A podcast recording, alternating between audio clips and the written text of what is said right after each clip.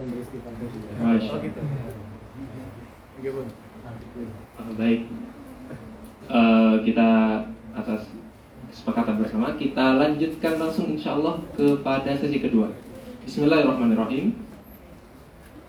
Kita masuk pada sesi kedua. Tema besarnya adalah tentang mengenal manhaj dalam ta'aluk manhaj dalam belajar, terutama belajar ilmu syariat, terutama bagaimana kita sebagai talib azhar itu belajar dengan cara dan metode yang tepat yang akan disampaikan oleh Ustadz Fakih Ubaidullah Rozan LC.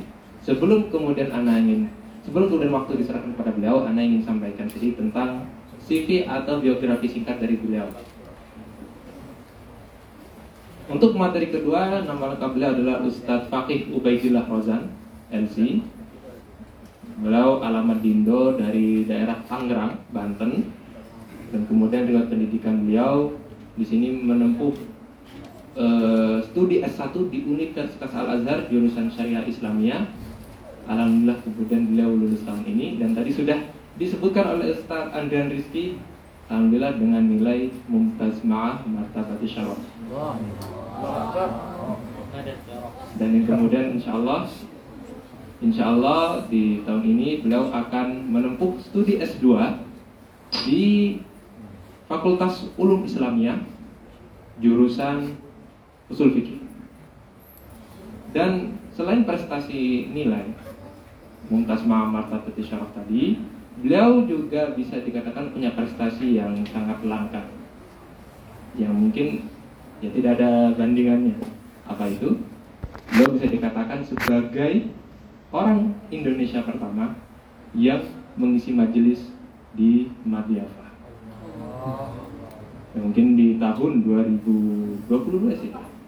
2021. 2020 di zaman-zaman kita masih baru pulih dari corona, beliau sudah memulaikan majelis waktu itu di Madyafa Syekh Ismail Sadiq Al-Hadawi yang membuka jalan bagi para pemat bagi para asatid dari Indonesia seperti mungkin kita kenal Sidi Hengki Saleh Jufri ataupun kemudian Ustaz Muhammad Nuruddin dan juga para asatid-asatid lainnya Ustaz Sidi Beben dan yang lainnya untuk mengisi di Madyafa juga.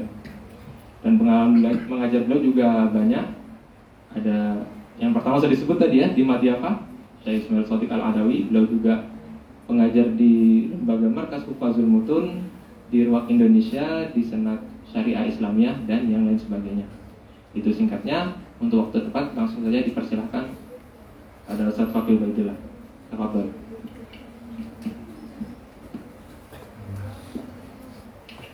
Bismillahirrahmanirrahim. Assalamualaikum warahmatullahi wabarakatuh.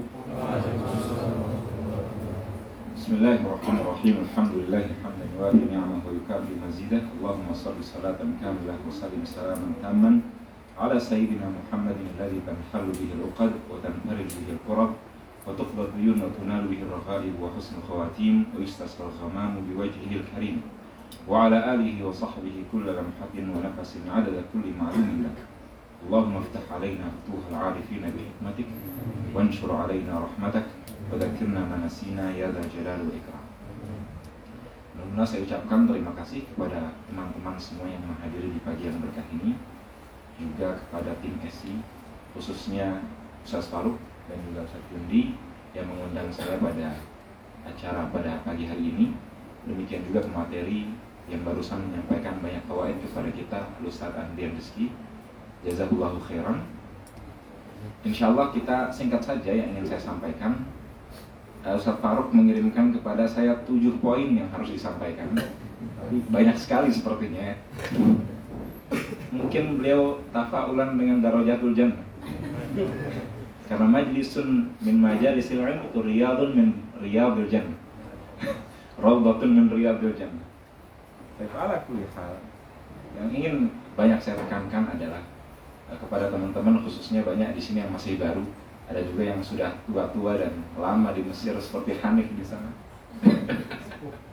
sudah sepuh di Mesir tapi banyak teman-teman di sini juga yang masih baru saya ingin uh, di balik tujuh poin ini ingin saya banyak sharing tentang bagaimana pengalaman saya talaki selama lima tahun saya di Mesir ini. Alhamdulillah tahun ini saya baru lulus, baru LC tahun ini. tepat waktu alhamdulillah. Dengan nambah DL satu tahun jadinya total di Mesir ini sudah lima tahun. Dan ingin saya ceritakan beberapa hal di balik tujuh poin. Bagaimana saya talaki dimulai dari CDL Tingkat 1, tingkat 2, tingkat 3, tingkat 4 Sampai saya bisa sekarang. Uh, Masuk kepada poin yang pertama Yang diminta adalah berkaitan Berkaitan dengan pembagian ilmu. Ada ilmu yang qasimu ila kismain Ilmu terbagi menjadi dua. Ada ulumil maqasid dan ada ulumil wasaid Ada ulumil maqasid dan ulum al-wasaid Ulumul maqasid adalah yang ma yuqsadu lidatihi. Ilmu yang diinginkan karena ilmu itu sendiri. Contohnya, misalkan seperti ilmu fiqh. Al-fiqh kita mempelajari fikih karena untuk fikih sendiri bukan karena ilmu yang lainnya. Kita mempelajari fikih, mengetahui hukumnya kita terapkan, kita amalkan dalam keseharian. Seperti ilmu fiqh, ilmu akidah, ilmu tafsir, ilmu hadis. Empat ini adalah semuanya ulumul maqasid. Kita mempelajari fikih untuk kita amalkan, mempelajari akidah untuk kita yakini, tafsir untuk memahami Al-Quran dan juga hadis untuk memahami hadis Nabi Shallallahu Alaihi Wasallam. Ilmu ini bukan kita baca karena ilmu yang lain butuhkan kepadanya, bukan. Tapi ilmu ini dia yuksadu lidatihi. Memang diinginkan untuk lidati hadal ilmu. Kita pelajari fikih untuk fikih. Akidah juga untuk akidah. Berbeda halnya dengan ulumul wasail. Ulumul wasail yang ma la yuksadu lidatihi wa innama yuqsadu li ghairihi. Ulumul wasa itu yuqsadu li ghairihi liyakuna wasilatan li ghairihi. Supaya bisa menjadi sarana untuk ilmu yang lainnya. Oleh karena itu dia dinamakan sebagai ulumul wasail. Karena hadhil ulum la yuqsadu li wa innama yuqsadu an takuna wasilatan li ghairiha ini dinamakan sebagai ilmu apa? Al-wasail. Contohnya seperti misalkan ulumul arabiyah ilmu bahasa Arab. Seperti nahu, saraf, balaghah, arud, wada' semua ulum Arabiah itu sebenarnya adalah ulumul wasail. Dia hanya perantara kita. Kita mempelajari nahu bukan untuk memahami Zaidun qaimun. Bukan untuk memahami koma Zaidun. Dan kalau contoh maful bihi pasti selalu yang dipukul daraba Zaidun. Bukan itu tujuan dari ilmu. Ilmu dari nahu bukan tujuan menghafalkan amtilah yang disebutkan. Maka ketika didefinisikan mahwal ilmu, apa itu al ilmu? Al ilmu huwal qawaid. Al ilmu wal qawaid. Al ilmu huwal qawaid. Al maqsud min al ilmu al qawaid. Yang diinginkan dari ilmu itu kaidah. Kita punya kaidah, kemudian kita terapkan setiap masalah yang kita dapatkan. Jangan antum hafalkan contohnya, tapi tidak paham kaidahnya. Apa contohnya qama Zaidun? Di sini qama fi'il Zaidun ya Arabnya menjadi menjadi fa'il, jelas. Tapi kalau misalkan dikatakan yang bagi alaina jami'an an najtahida fil ilm. Yang bagi fi'il. Apa fa'ilnya di sini? Yang bagi alaina an najtahida fil ilm. Tidak ada kelihatan isim yang dia dengan dhamma. Apakah tidak ada fa'il di sini? Orang kalau misalkan seperti itu mempelajari ilmu tujuannya dengan hanya melihat contoh saja, maka dia tidak akan selesai dengan ilmu. Karena dia akan dapatkan bahwa saya juz'iyat kathirah. Al-juz'iyatu latan hasil. Al-juz'iyatu hasil. Juz'iyat contoh-contoh itu banyak sekali. Setiap kita dapatkan dalam Al-Quran, Qala Allah Ta'ala, Allah laful jalala fa'id. Kita dapatkan wa qala nabiyukum nabiyyu fa'id. Tapi kenapa semua contohnya tidak disebutkan dalam matan-matan nahwu, disebutkan dalam ajrumnya cuma qama zaidun, cuma disebutkan ja'a zaidun saja? Karena memang tujuan dari seorang penulis matan ketika menuliskan sebuah kitab bukan contoh. Laisal maqsudun al ilmi al amtilah wa innamal maqsudun al ilmi al qawaid. Al maqsudun al ilmi al qawaid. Kalian punya satu kaidah kullu fa'ilin marfu. Kullu fa'ilin maka setiap kalian dapatkan fa'il di mana pun bentuknya itu, maka kalian hukumi bahwa hukumnya adalah rofa. Baik dalam Al-Quran, dalam hadis, dalam syair, dalam kitab, atau bahkan pesan WA. Ada yang kirim pesan WA bisa di Arab. Atau bahkan tulisan tangan, surat. Pernah Syekh Fauzi satu kesempatan, ada Syekh Ahmad Taib, beliau menuliskan surat dengan tulisan tangan beliau. Kemudian Syekh Fauzi upload di Facebook beliau, A'ribu hadhir risalah Kalian i'rabkan risalahin. Kemudian datanglah banyak teman-teman termasuk yang paling terbaik kemudian waktu itu mengi'rabnya adalah qari beliau Syekh Muhammad Hasan Al-Maliki yang baru munakashah kemarin di usul fikih. Beliau i'rabkan dari mulai bismillahirrahmanirrahim. Kemudian i'rabkan semua hal semuanya di beliau i'rabkan sampai. Kemudian datanglah saya terakhir. Saya mengi'rab yang paling terakhir. Biasanya kalau dalam risalah tulis ada tulisan bismillah, kemudian tulisan ada risalah di sana. Di akhir kemudian dituliskan namanya siapa? Yang menuliskan. Dituliskan Ahmad At-Tayyib. Ahmad At-Tayyib.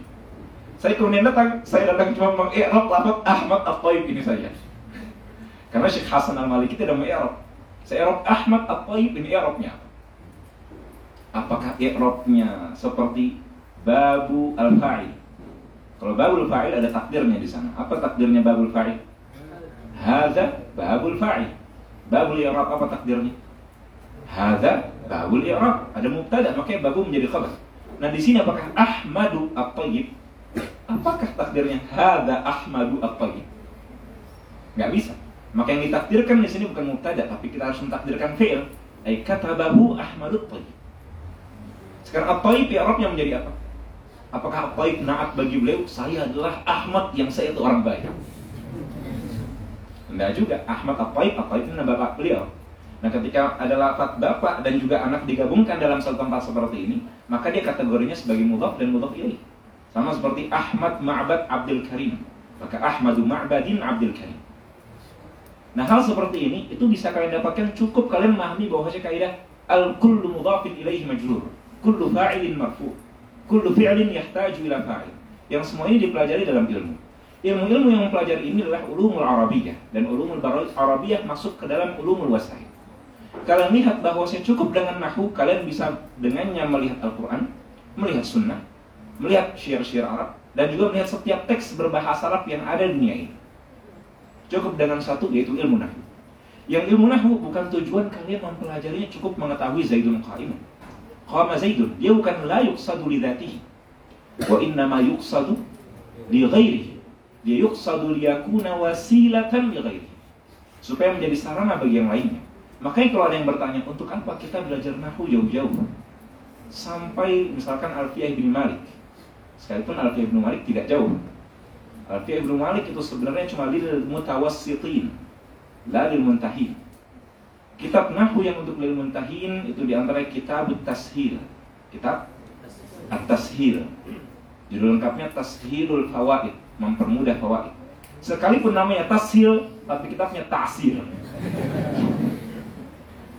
Karena siapa kitab At-Tashil?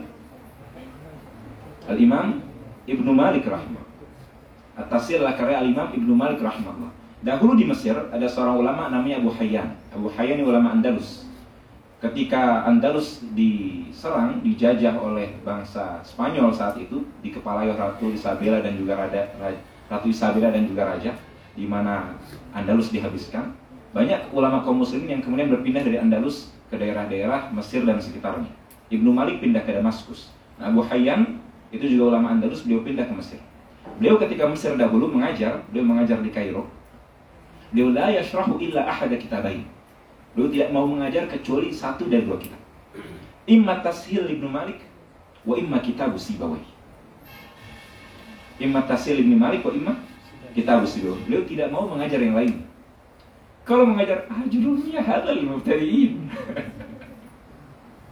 Qatrinada, Qatrinada setelah beliau Ibnu Hisham Al-Ansari, sahibu Qatrinada, muridnya Abu Hayyan. Al-Imam siapa? Abu Hayyan rahimahullah. Nah, Wahyan tidak mau mencerah kecuali dua kitab yaitu At-Tashil dan juga Kitab Sibo. At-Tashil merupakan kitab terakhir dalam Nahu yang dipelajari dalam Talaki. Nanti akan kita sebutkan bahwa kitab ada dua terbagi. Ada kitab Budars dan kitab Mumpala'ah. Tidak semua kitab itu kalian baca. Tidak Al-Mustasfa kalian cari majelis di mana majelis yang ngaji Mustasfa. Atau ada yang mencari mana majelis yang mencerah Ar-Risalah Imam Syafi'i. Dia ingin kalau belajar itu jangan dari awal-awal, kita langsung kenapa nggak Imam Syafi'i secara langsung? Dia cari majelis bukan majelis matan Abi Syuja, tapi dia mencari majelisnya majelis Al-Um. Mana di ulama Azhar? Imam Syafi'i wafat di sini tapi tidak ada yang baca kitabnya Imam Syafi'i. Dia baca seperti dia tanya seperti itu. Nah, kembali ilmu nahu yang kita pelajari dengan yang kita tafsir itu adalah merupakan bagian dari ulumul wasail. Yang orang bertanya ketika nanti kalian belajar Alfiyah Ibnu Malik, kalian tidak lagi belajar misalkan bahwasanya dalam al-alfiyah kalian mempelajari bahwasanya misalkan muslimani itu kalau dia rofa muslimani kalau mansub dia muslimah ini kalau majrur muslimah ini. Nanti yang dipelajari dalam al-alfiyah muslimani bisa jadi dia rofa mansub dan juga jar selalu kemudian muslimani muslimani muslimani bahwa abu kan abu ka abaka abika tapi nanti kita akan dapatkan ja abu ja abaka roaitu abaka marartu bi abaka. Hal-hal yang sebenarnya kalian dapatkan jarang sekali. Kalian dapatkan kalau latihan baca kitab kalian akan dapatkan seperti ini. Masalah di antara kita kebanyakan mahasiswa adalah kebanyakan mengira bahwa saya belajar nahu tujuannya cuma satu, supaya bisa baca kitab. Tidak seperti ini. Al-Imam Sibawahi rahimahullah disebutkan oleh para ulama setelahnya, lam yablugh martabatahu fin nahu illa bima'rifatihi ma la ya'lamuhu al-akharun. Beliau kenapa bisa menjadi seorang imam dalam nahu? Karena beliau mengetahui hal-hal yang tidak orang lain ketahui. Dan ketika kalian berpikir untuk apa belajar nahu jauh-jauh ini? Atau misalkan untuk apa belajar mantik jauh-jauh, ada qadiyah mujabah, ada qadiyah salibah, nanti ashkalnya bisa terbagi menjadi banyak, ada yang dia juz'iyah, ada yang dia kulliyah, nggak akan ditanyakan nanti dalam pertanyaan ketika Indonesia firman Allah Subhanahu wa taala dzalikal kitabul raiba Apakah dia qadiyah mujabah atau qadiyah salibah? Nggak akan ditanyakan oleh orang Indonesia seperti itu. Nggak akan ditanyakan bahwa saya tafsir firman Allah ini dalam mantik itu apa. Memang karena mantik itu bukan ilmu maqasid yang akan kalian sampaikan langsung kepada masyarakat. Mantik itu ilmu wasail. Yang membutuhkan ilmu wasail itu bukan masyarakat mukhatab kalian. Tapi yang membutuhkan kalian sebagai mutakalim di sini. Karena bi qadri ma'rifatika fi ilmi lughatil arabiyyah wa ilmi mantik akan berbeda pemahaman kalian terhadap fikih.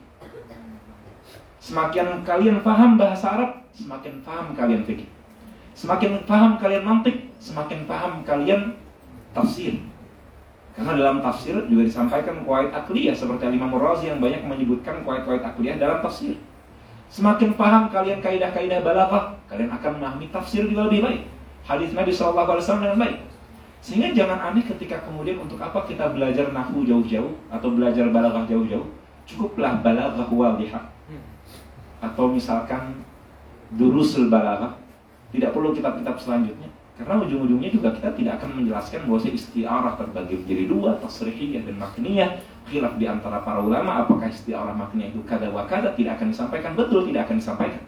Tapi yang akan kalian sampaikan kepada masyarakat nantinya adalah ketika kalian menerjemahkan apa maksud firman Allah Subhanahu wa taala ketika Allah mengatakan suatu ayat yang di dalamnya ada nilai istiarah kalau kalian tidak paham istiarah, kalian akan menerjemahkan ala kadarnya sesuai dengan yang tertulis dalam Quran terjemah. Tapi kalau kalian paham ilmu balaghah, kalian mampu akan menerjemahkannya dengan indah. Menerjemahkannya dengan baik.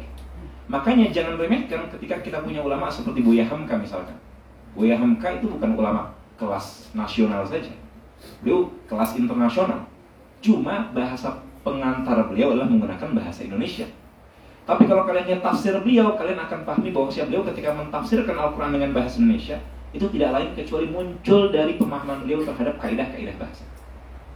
Termasuk misalkan Syekh Arsyad Al-Banjari. Beliau punya kitab atau misalkan Syekh Nawawi Al-Bantani. Beliau punya kitab Safinatun Najah yang merupakan kitab pertama yang disebutkan Ustaz Andrian tadi menurut Habib Allah dipelajari. Dengan syarah beliau yang berul kasyifatus saja.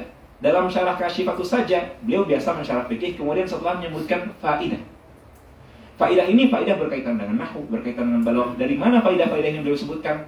Dari kitab misalkan Syarhur Radhi ala Kafiyat Ibn Hajib. Ini kitab setingkat Alfiyah Ibn Malik atau bahkan sedikit lebih atas daripada Alfiyah Ibn Malik, tapi sama-sama untuk mutawasitin. Atau dari Hasyiatus Sabban ala Alfiyah. Padahal matan yang disyarah tadi matan kitab apa? Matannya Safinatun Najah. Safinatun Najah yang kalau misalkan ada syekh yang mencara Safinatun Najah mungkin antum berpikir, Kenapa? Ini ngajar sapi, ngaji sapi sudah sering di Indonesia.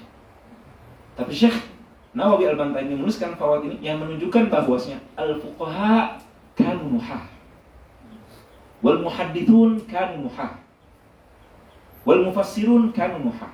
Tidak ada di antara para ulama yang dinamakan mereka itu mutakhasis hanya fi ilmu wahid saja dan tidak tahu ilmu yang lainnya. Ulama pastinya fan apa pun pasti pernah khatam alfiyah. Pasti mereka menghafal alfiyah. Nggak ada yang karena mereka jurusannya hadis nahunya cuma ajrumiyah. Jurusannya syariah tidak mau belajar mantik. Seperti saya dahulu. Saya dahulu sebenarnya anak usuluddin. Tapi tingkat satu saya langsung tahu ke syariah karena saya begitu tahu di usuluddin ada mantik. Tapi alhamdulillah tahun ini saya mulai mengajar mantik. Nah, ulumul wasail itu tujuannya bukan dimaksudkan karena ilmu itu sendiri, melainkan tujuannya untuk yang lain. Ulumul wasail di antaranya misalkan tiga. Itu ulumul arabiyah, itu ulumul wasail. Nahu, saraf, balaghah, arut, itu semuanya ulumul wasail. Yang kedua ulumul aqliyah. Al-ulumul aqliyah juga itu ulumul wasail. Seperti al-mantiq, adabul bahthi wal munazarah, al-maqulat, al-umurul amma. Keempat ini semuanya bagian dari al-ulumul aqliyah, ilmu aqliyah. Yang kalian akan butuhkan baik membaca kitab apa pun itu kalian akan dapatkan materi-materi ini. Dalam nahwu kalian akan dapatkan bahwasanya ketika Ibnu Ajur mengatakan wa aqsamuhu apakah ini taksimul kull ila ajzaihi taksimul kulli ila juz'iyati yang mana di antara keduanya yang kalian tidak memahami ini dengan baik kecuali kalian mempelajari mantik saya dahulu ketika belajar dengan Syekh Fauzi, saya tidak paham sama sekali. Saya hadir dengan beliau tahun 2021. Beliau mencara waktu itu Al-Ajrumiyah beliau menjelaskan ini. Apakah aksamu thalathatun ismun wa fi'lun taksimul kull atau taksimul kull? Saya tidak paham. Saya tanya kemudian ke senior-senior yang ada. Tapi senior-senior itu, ya kuliah itu. Ya juzah ya itu.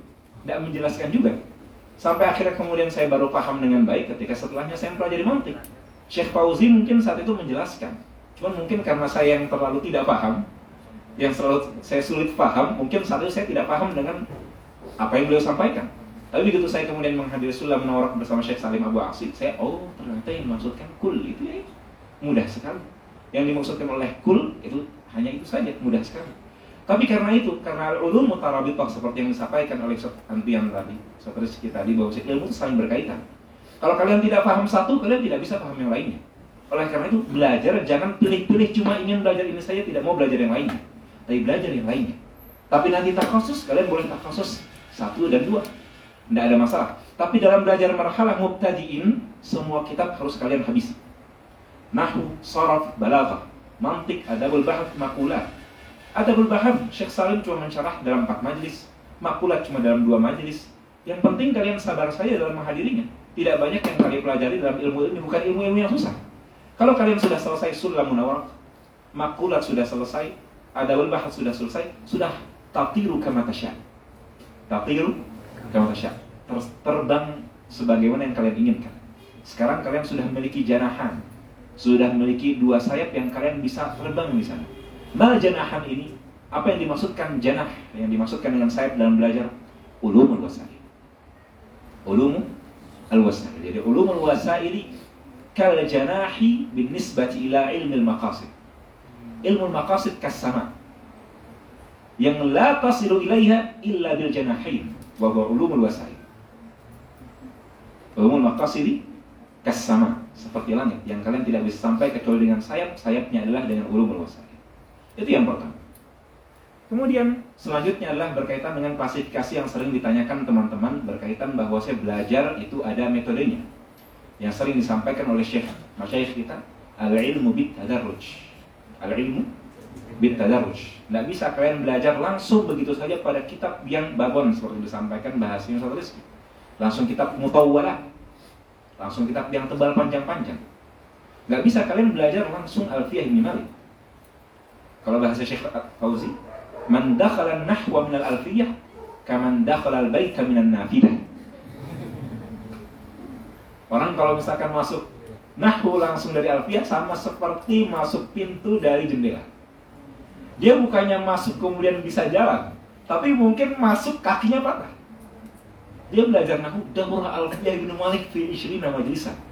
Allah, 1200 slate.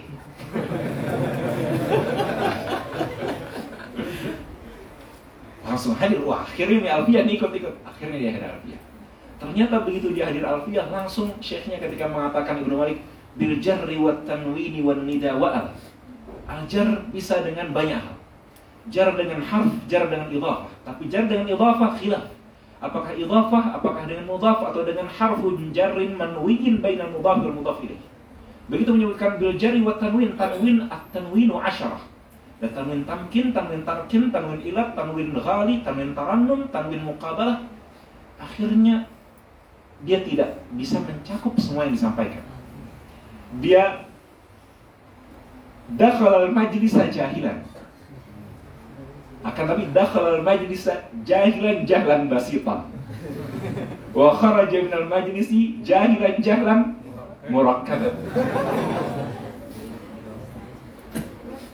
awalnya ditanya tanwin tamkin atau tanwin tamkir itu apa? La adri. Tapi begitu masuk majelis alfiyah, begitu keluar tanwin tankir itu apa? Tanwin tankir itu maksudnya katanya nakirah rojulun. Nah, tanwin itu tanwin tankir. Padahal tanwin pada rojulun bukan tanwin tankir, tankir tapi tanwinnya tanwin tamkin. Karena tanwin tankir hanya masuk kepada isi mabni seperti soh, seperti si bawah itu tanwin tankir. Tapi tanwin yang masuk pada rojulun, pada ilmu itu tanwinnya tanwin tamkin. Nah dia karena begitu masuk tanwinnya langsung dapat 10, ya tabi subaina hubaina tamkin wa tamkin.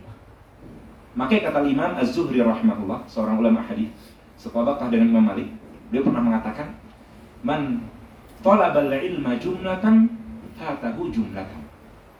Man talabal ilma jumlatan fatahu jumlatan. Barang siapa yang mempelajari ilmu secara jumlah, secara langsung semuanya, langsung secara paketan, tidak kemudian satu-satu, tapi langsung satu paket semuanya habis, maka fatahu jumlatan. Maka semuanya juga langsung akan hilang. Tapi kata beliau, wa inna ma yudrakul ilmu wa inna ma yudrikul ilma hadithun aw hadithan. Wa inna ma yudrikul ilmu hadithun aw hadithan. Wa inna ma yudrikul ilma hadithun aw hadithan. Tapi ilmu bisa didapatkan dengan menyicil sehari satu hadis, besoknya dua hadis. Bukan langsung satu hari kalian langsung menghafalkan Sahihul Bukhari fi yaumin wahid. Atau misalkan Al-Arba'in An-Nawawiyah fi yaumin wahid. Kalau Bukhari mungkin hampir mustahil mustahil adatan. Tapi arba'in nawawi di majlis fi yaumin wahid mungkin mungkin 40 hari dalam satu hari. Dari mulai subuh sampai akhir dia kerjanya menghafalkan arba'in nawawi. Tadi ada ustaz yang duduk di sini nggak saya lihat. Beliau tadi saya lihat bajunya tulisannya agak lumayan menarik perhatian. Tulisannya tidur dengan tidur dengan hafalan dibangunkan dengan setoran. Jadi ketiduran karena dia lagi hafalan, terus begitu dibangun diminta setoran. Namun kita orang yang seperti ini biasa hafal Arba'in Arba'in Nawawiyah langsung dalam satu hari. Tapi kalau seperti itu akan hilang. Tapi hafalkan Arba'in sebagaimana yang sewajarnya. Saya menghafalkan Arba'in dulu satu tahun karena program pondok. Jadi benar-benar perlahan satu persatu. Alhamdulillah sampai sekarang masih ada. Lupa sedikit rawi-rawinya siapa. Tapi ala kulli hal seperti itu perkataannya Imam Imam siapa? Az-Zuhri Ibnu Syihab Az-Zuhri Awalu man dawwan al-hadith riwayatan Kata beliau, apa kata beliau? Man talab man talab al-ilma jumlatan fatahu. Nah, dan itu bahasa mudahnya dari al-Imam Al-Bajuri rahimahullah adalah al-akhidhu fi awailil ilmi. Orang yang mengambil permulaan ilmu itu yang dinamakan sebagai mubtadi. Sedangkan al-mutawassit al-akhiru fi awasitih yang mengambil pertengahan ilmu. Sedangkan al-muntahi al-akhiru fi awakhir. Ta'rif yang mudah. Kalau mubtadi itu awaili, kalau mutawassit itu awasitih, kalau muntahi itu awakhir. Mubtadi itu di awal, mutawassit itu di tengah-tengah, dan muntahi itu di akhir-akhir. Nah, saya ingin yang menekankan kepada kalian, kalian cukup ketahui bahwasanya ada mubtadi dan ada mutawassit dan ada muntahi. Cukup. Kalian tahu bahwa saya darajatut talibi thalatha. Bisa jadi dia mubtadi, mutawassit atau muntahi. Sekarang tinggal kalian lihat derajat kalian di mana sekarang. Apakah kalian mubtadi atau mutawassit atau muntahi? Nah, insya Allah rata-rata kita mubtadi. Termasuk saya pribadi juga dalam banyak hal saya mubtadi. Jadi tinggal kita lihat sekarang mubtadi. Nah, kalau antum sudah tahu mubtadi, mutawasid dan muntahi, jangan tanya kitab mubtadi apa, kitab mutawasid apa, kitab muntahi apa. Ini kebiasaan teman-teman khususnya yang baru datang suka menanya, "Bang, kitab mubtadi nahu apa ya? Atau tolong dong sebutin kitab nahu mubtadi mutawasid muntahi. Nah sekarang pertanyaannya, marhalah kita di sini sekarang marhalah apa? Mubtadi untuk apa kalian tahu marhalah kitab nanti mutawasid dan muntahi? Kalau Syekh Fauzi ditanya seperti ini, khalas ta'allam min ajrumiyah. Kalau sudah khatam nanti ajrumiyah baru saya kasih tahu nanti mutawasid apa. Baru saya kasih tahu nanti muntahi apa. Karena kalian kalau bertanya kebanyakan tentang manhaj ilmu, manhajul kutub, man kathratus su'ali an manhajil ilm tusyatitu dhihna. Banyak bertanya tentang manhaj ilmu itu membuat antum bingung. Soalnya manhajnya Habib Abdullah Al-Jufri mulai fikih dengan Safinatun Najah. Manhajnya Syekh Fauz, uh, Syekh Syahawi mulai fikih dengan Fathul Qarib secara langsung. Kalau di Habib Allah Fathul Qarib itu jauh. Kita Safinah dahulu, Mukhtasar Latif, Muqaddimah Hadramiyat, baru kemudian setelahnya Fathul Qarib. Syekh Syahawi langsung Fathul Qarib. Kalian bingung, apa Syekh Syahawi ini caranya bukan caranya ahlul ilmi? Ma'adallah, gak mungkin seperti itu. Tapi memang masing-masing masyaikh itu punya cara yang berbeda. Syekh Syahawi ketika Syarafatul Qarib akan pelan-pelan mungkin. Tapi Habib Allah nanti kalau Syarafatul Qarib ketika beliau mengatakan al-ma'u imma tahirun mutahhir atau tahir mungkin dia akan sampai hada taqaddama syarahuhu fil mukhtasar latif. Hada marra bayanu. Ini sudah selesai dilewatkan. Tapi kalau Syekh Syahawi akan beliau ajarkan sedikit demi sedikit. Makanya manhaj al-manhaju itu bukan qat'i. Al-manhaj itu nisbi. Yakhtalifu bin nisbati ila syekhin wa syekhin. Bergantung kepada guru antum siapa. Makanya kaidahnya la tas'al an kitabin taqra'u wa la tas'al an majlisin tahduru walakin is'al an syekhin tulazim is'al an syekhin tulazim jadi jangan tanya kitab mubtadi, mutawasid dan muntahi apalagi kepada senior karena senior belum tentu dia belajar juga jadi orang yang paling mengetahui manhaj adalah orang yang sudah melalui manhaj itu kalau antum mendapatkan kalau mau belajar kitab balaghah pertama kali kitabnya Jauhar Maknun nanti mutawasid setelahnya atau antum bisa langsung setelah talkhisul miftah. Sekarang tanya kepada dia, antum sudah pernah ngaji belum Johar Maknun? Sudah pernah ngaji belum talkhisul miftah? Ini ada orang satu, dia ngajinya apa, tapi berbicara semua ilmu dia kasih tahu tadi mutawasid muntahin. Kalau nahwu begini, kalau sorof begini, balaghah begini, syariah begini, fikih begini, usul fikih begini. Tapi pas ditanya ternyata dia ajrumnya pun belum benar-benar paham Abi Syuja dia belum benar-benar paham tapi sudah bicara, oh kalau misalkan kalian menhajut tolibin syarahnya pilih ini. Syarahnya pilih ini, syarahnya pilih ini. Beli ini, beli ini, beli ini. Tapi dia tidak kita ketahui sirah dia dalam belajar. Makanya kalau ingin tahu manhaj tentang ilmu nahu, hanyalah syekh yang dia mutakhasis fin nahu. Yang memang yu'allimun nahu. Syekh Fauzi misalnya. Makanya jangan tanya manhaj ilmu. Jangan tanya kitab apa yang antum baca, majelis apa yang antum baca, tapi tanyalah, Bang, Syekh siapa yang saya hadiri?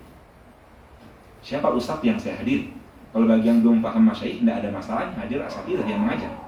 Banyak asatidah Indonesia yang mereka mutkinin, yang syuhidu lahum bil ilmi wassalah, yang mereka diakui oleh para guru-guru, para masyaih bahwa mereka alim dan yahiqqu lahum tadris, mereka berhak untuk mengajar. Boleh mengajar mereka.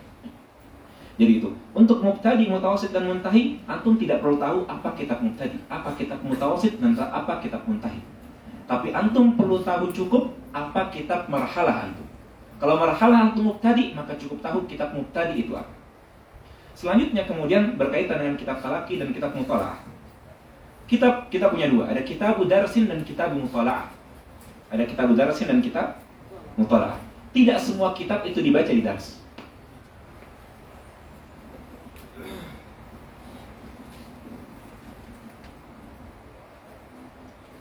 Tidak semua kitab itu dibaca di dars, tapi ada kitab yang antum menjadi mutalaah pribadi saja. Contoh misalkan dalam nahu, yang dipelajari dalam nahu itu al ajrumiyah, qatrun nada, alfiyah bin malik, at-tasir ini dipelajari dalam dars. Tapi kitab-kitab seperti misalkan uh, kitab-kitab tebal misalkan dalam nahu karya ulama muasirin sekarang. Misalkan Jami'ud Durusil Arabiyah karya Syekh Mustafa Al-Ghalagi. Ini kitab bagus sekali dipuji oleh Syekh Fauzi. Atau misalkan kalian punya kitab Al-Qawaidul Asasiyah karya Syekh Al-Hashimi, kitab bagus juga. Nah, kitab ini kitab-kitab tebal atau misalkan bagi anak usul fikih atau bagi anak hadis terkenal insya Allah kalau ini. Kalau ingin mengaji dalam hadis majelis yang dikaji immal baiquniyah wa imma nukhbatul fikah. Kalau anak mubtadi. Nah, kita punya kitab terkenal sekali dalam hadis namanya kitab Taisir Mustalahil Hadis karya Dr. Mahmud At-Tahan. Nah, kitab seperti ini itu kitab mutalaah. Antum ketika ngaji Nukhbatul Fikar, Nukhbatul Fikar ini ringkas sekali, cuma lima halaman. Sudah bisa dihafal. Cuma lima halaman. Antum kalau tidak paham baca caranya Nuzhatun Nazar, tidak paham juga karena bahasa yang sulit, antum boleh merujuk kepada kitabul muasirin. Contohnya Dr. Mahmud. Nah, ketika Nukhbatul Fikar antum baca di sana misalkan Taisir Mustalah Hadisnya Dr. Mahmud. Tapi dibaca di majelis atau di rumah? Di rumah. Karena di kitab Budar atau kitab Mutalaah? Mutalaah. Antum ngaji usul fikih, ngaji usul fikih warakat. Tidak paham di warakat bahasanya Imamul Haramain sulit. Ada Al-Khulasah karya Dr. Hasan itu. Kalian bisa baca di rumah Al-Khulasah karya Dr. Hasan itu. Lebih mudah bahasanya, lebih ringkas. Tapi kitab seperti ini al-aslu fihi alla yuqra fil majalis. Asalnya tidak dibaca di majlis. Tapi yang dibaca majlis adalah kitab-kitab turah. Makanya asalnya yang dibaca dalam majlis kitab-kitab turah. Kitab muasirin bagus. Kita tidak kemudian mengingkari bahwa kitab-kitab muasirin itu ada fawaidnya. Tidak kita ingkar. Banyak kitab muasirin yang kuat sekali. Kitab dari Syekh Abu Musa, Syekhul Balaghiyin, kitab-kitab yang kuat sekali. Kitab Dr. Muhammad Hussein Al-Mahrasawi, mantan Rais Jamiatul Azhar, kitab kuat-kuat sekali. Tapi kitab-kitab seperti inilah dasarnya kitab-kitab mutalaah. Yang kalian pelajari, ta'allamu kama ta'allamahul awwalun. Ta'allamu ma ta'allamahul awwalun. Belajarilah sebagaimana dahulu para ulama berjalan. Jadi nasihat juga nanti kalau kalian nantinya sudah menjadi ulama kibar, amin. Jadi asatidah nanti di Indonesia, amin. Kalau mengajarkan tulab, la tujadibut tulab. Jangan dijadikan para pelajar itu kelinci percobaan. Tahun ini kurikulumnya A. Tahun depan ganti kurikulum. Tahun depannya lagi ganti kurikulum lagi. Kebingungan. Padahal kurikulum itu sudah jelas dari dahulu. Di Azhar sudah sejelas dari dahulu kitab yang paling pertama dibaca dalam Nahu Ajrumiyah. Dalam fikih matan Abi Syuja. Dalam balaghah kitab fulan. Sudah dari dahulu ditelapkan ini. Jangan kemudian kalian datang merasa lebih sok paham daripada ulama-ulama Azhar yang sudah melatih ini. Mereka juga dahulu coba-coba. Dahulu kitab Nahu yang pertama kali sebelum ada Ajrumiyah bukan Ajrumiyah yang dibaca. Yang dibaca Al-Jum'ah. Sebelum ada Abi Syuja bukan Abi Syuja yang dibaca. Yang dibaca langsung minhajnya Imam Nawawi rahimahullah. Sebelumnya muhadzabnya Wisaq Syirazi rahimahullah. Kitabnya yang dahulu dia baca dan dihafal. Paling awal lagi, kalau kalian ingin tahu, kitab fikih Syafi'i paling pertama yang dibaca orang itu dahulu apa? Mukhtasar Al-Muzani. Mukhtasar Al-Muzani ini dahulu dibaca, dihafalkan dan dijadikan mahar. Jadi nanti kalau misalkan ada yang mau menikah bisa maharnya Mukhtasar Al-Muzani. Sama seperti para ulama dahulu. Atau kitab yang lain. Maharnya Hasyiatul Bajuri misalnya. Itu mahar saya dahulu.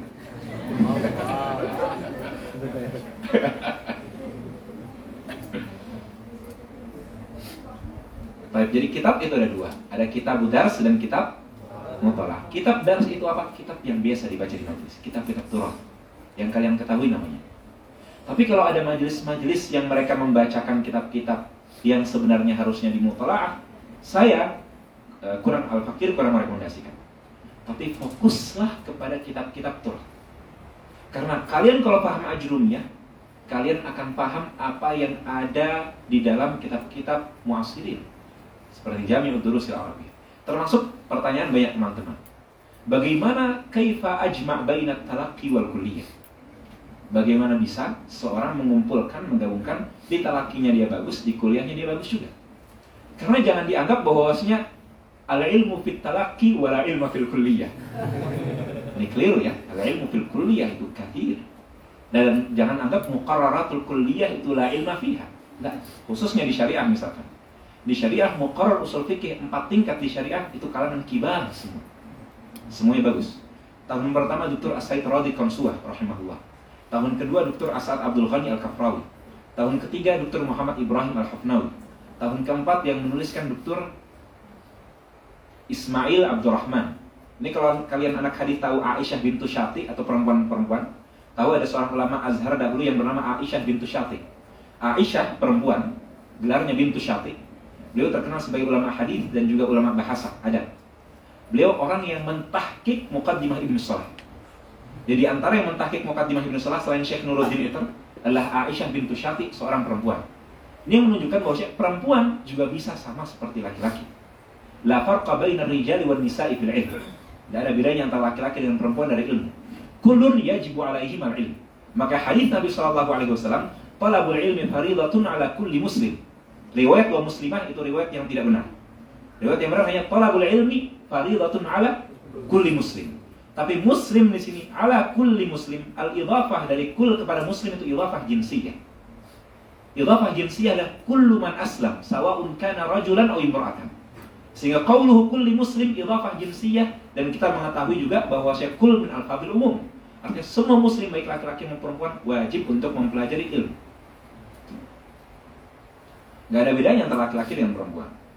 Nah makanya ketika tadi saya sampaikan bahwasanya kitab dars dan kitab mutalaah yang kita pelajari dan juga di kuliah itu sama saja baik di kuliah maupun di talak. Apa bukti bahwa syekh kuliah itu penting? Syekh Ahmad Ma'bad, Syekhul Muhaddithin, beliau alumni kuliah. Syekh Ali Saleh, alumni kuliah. Masyaikh kita kebanyakan yang kita dapatkan semuanya bukan cuma belajar di talaki, tapi semua juga belajar di kuliah. Syekh Ali Jum'ah, mufti Mesir, Beliau belajar di kuliah dan juga belajar di talaki kepada seorang syekh dari Maroko nama Syekh Abdullah bin Siddiq Al-Ghumari. Yang Syekh Abdullah bin Siddiq Al-Ghumari ini datang ke Azhar sudah alim. Tapi tidak menghalangi beliau untuk belajar kepada ulama Azhar. Beliau belajar kepada ulama Azhar yang ada saat itu di antara Syekh Muhammad Bakhit Al-Muti'i dan juga lainnya. Kemudian setelah beliau belajar, beliau dites. Dahulu imtihan di Azhar bukan imtihan seperti sekarang. Imtihannya dulu imtihan syafahi. Imtihan syafawi, lisan. Tapi imtihan syafawi bukan dalam Al-Quran dan madah asasi. Tapi imtihan syafawi dahulu, imtihannya fitnai asyara ilman. Fi asyara ilman, 12 ilmu. Ditanyakan, Zai, qama Zaidun. A'rif qama Zaidun. Qama fi'lun madin. Fi'lun madin mabni. Tayyib. Al-aslu fil mabni as-sukun. Tapi kenapa qama menggunakan fathah? Padahal kan kita mengatakan al-aslu fil bina as-sukun. Dia fathah karena ini. Baik, fathah, kenapa fathah yang dipilih dari empat harokat atau tiga harokat yang ada? Ditanyakan alasannya seperti itu. Oke, qama zaidun qadiyah. Apakah dia qadiyah kalam khabari atau dia kalam insya'i? Kalam khabari. Oke, dia qadiyah, mujabah atau salibah? Qadiyah mujabah. Qadiyahnya mujabah muhmalah atau dia kulliyah atau juz'iyah? Oke, selesai kita sekarang dari mantik. Sekarang qama zaidun dari segi makulat, qama ini kita namakan sebagai apa? Zaidun sebagai pelaku apakah dia jauhar atau al? Kemudian dilihat lagi dari segi semua ilmu dilihat dari 12 ilmu. Secara nawariyan wa tatbiqiyah. Kalau kalian sudah mendapatkan selesai 12 ilmu ini, baru kemudian kalian mendapatkan gelar. Bukan gelar doktora, bukan gelar magister, tapi gelar yang dahulu dinamakan sebagai gelar al-alimiyah. Al-a bukan al-alamiyah, tapi al-a Hadihi syahadatun ala annahu alim. Syahadah bahwa dia itu orang alim. Orang alim itu orang yang sudah menguasai berapa ilmu? 12 ilmu. Ini belum takhasus. Makanya kita dapatkan Syekh Muhyiddin Abdul Hamid penulis kitab Tuhfasaniyah. Beliau punya karya dalam nah, punya karya dalam Adabul Bahth wal Munawwarah. Beliau mentahqiq Syarah Qaisini ala Sulam Munawwarah. Beliau mentahqiq Al-Iqna ala Abi Suja. Beliau mentahqiq misalkan juga beliau mensyarah kitab Alfiyah Al-Imam Suyuti rahimahullah dalam hadis. Padahal beliau terkenal Syekh Muhyiddin Abdul Hamid ulama apa? Nah, tapi kenapa dia punya musyarakah fil ulum? Makanya sebagian ulama punya lakop juga yang unik. Disebutkan hada syekh asy-syekhul musyarik. Asy-syekhu al-musyarik maksudnya apa? Al-musyariku fi jami'il funun. Yang punya kemampuan dalam semua ilmu. Nah, seharusnya seorang itu seperti itu. Nah, kembali kepada kuliah dan juga talaki, bagaimana kita menggabungkan antara kuliah dan talaki? Nasihat saya adalah teman-teman, kalau ingin hadir talaki, hadirlah talaki kitab-kitab yang mendukung materi mukoror antum. Saya tidak meminta antum ketika ditalaki untuk mempelajari mukoror kuliah langsung. Jadi mukoror kuliah itu tidak cocok untuk ditalakikan. Dibahas satu persatu lafadznya. Bukan seperti misalkan ajurumiyah. Al-kalamu huwa lafu. Al-kalam di sini mubtada. Huwa bamir fasl. Al-lafu di sini khabar. Tidak bisa dibahas seperti itu. Kalian membaca. Mukoror kuliah dirasati islamiyah Muqarraru khabarun li mubtada'in mahdhufin taqdiruhu hadha. Tidak bisa seperti itu. Kitab muqarrar tidak sama manhajnya dengan talaki. Tapi kalian hadiri, misalkan kalian mukorornya punya apa? Misalkan kalian mukorornya anak-anak kuliah punya mukoror mantik yang bisa diambil dari sulam dan khabisi. Maka hadiri majelis sulam dan itu khabisi. Kalian anak hadis misalkan mukorornya mukaddimah ibn salah. Coba cari materi-materi yang menguatkan kalian di mukaddimah ibn salah. Nukhbatul fikar misalkan. Yang kalian kalau paham turah, maka kalian akan paham juga mukoror. Sama seperti tadi. Kalau kalian paham ulum wasail, maka kalian akan juga pahami ilmu maqasid. Tapi jangan malah kemudian hadirnya majelis yang muqarrar harfan harfan yukra. Muqarrar tidak seperti itu. Al muqarrar la yudha yuhfaz. Muqarrar itu besar, dia panjang. Kata Imam Al Khalil rahimahullah taala, al kalamu yukhtasaru yuhfaz wa yubsatu yufham. Al kalam yukhtasaru yuhfaz wa yubsat yufham. Kitab matan kecil itu untuk dihafalkan kalau lebar itu untuk dipahami. Nah, pahami kalian tidak perlu untuk paham satu persatu kata. Saya sering agak sulit ketika mengajar bimbel. Kalau ada yang bertanya, Ustaz ini makna dari kata ini apa? Setiap dia katakan temukan ada kata yang tidak paham, ditanyakan semua lafadznya itu artinya apa. Padahal lafaz itu tidak ada kaitannya dengan ilmu itu sendiri, itu cuma dalam bentuk penjelasan. Kebetulan dokternya ketika menjelaskan menggunakan lafaz-lafaz yang tidak diketahui artinya. Kama warada fil hadis Orang kadang nggak tahu apa artinya warada. Warada itu maksudnya kama ja'a fil hadis. Artinya simpel itu saja. Tapi kalau kalian setiap tanyakan lafaz ini tidak paham ditanyakan kepada ustadznya, akhirnya bukan kemudian menjadi daras mustalah hadis, ini bimbel mukra hadis, tapi jadi bimbel mufrodat. Kalau itu cocoknya di ibadah subuh supaya diajak berdiri, kemudian ditekskan satu-satu produk. Nah, bukan seperti. Nah itu cara untuk antum menggabungkan antara talaki dengan kuliah adalah menghadiri majelis yang bisa menguatkan antum dalam kuliah. Saya ketika di kuliahnya Balaghah, ilmu bayan, saya hadiri Tuhfatul Ikhwan dengan Syekh Fauzi. Saya ketika saya hadiri di kuliah Kitabul Muamalat yang dipelajari di kuliah, nggak harus kitabnya sama. Di kuliah kita belajar fikihnya Minhajul Talibin. Jangan antum cari Minhajul Talibin di luar majelis. Karena bukan marhalahnya antum sekarang belajar Minhaj. Antum cari matan Abi Syuja atau Yakut Nafis yang bahas muamalat. Antum sekarang lagi bahas mawaris. Mawaris di kuliah kitabnya apa? Antum cari di luar kitab materi mawaris, faraid, misalkan rohabiyah. Yang dibahas di kuliah misalkan sekarang tentang ilmu mantik. Pelajari sulam. Yang dipelajari kecuali kalau misalkan materinya memang tidak ada. Kalau begitu hadir kuliah. Kalau materinya nggak ada, maka semangat hadir kuliah di materi-materi yang kalian tidak bisa dapatkan di lainnya. Hadiri kuliah di sana. Tapi cara untuk bisa antum mendukung bagaimana kuliahnya bagus, talaknya juga bagus, hadirilah materi yang menguatkan antum dalam kuliah. Saya alhamdulillah saya syariah dan hadiri yang saya banyak adalah fikih dan juga usul fikih. Oleh karena itu saya bisa kuat dan juga bagus dalam materi-materi saya ketika saya di syariah. Karena materi-materi inilah yang saya dapatkan.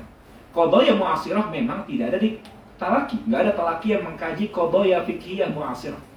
Tapi pembahasan kodoya fikih muasirah itu apa? Samsarah. Samsarah itu materinya apa? jialah akadnya atau akad ijarah.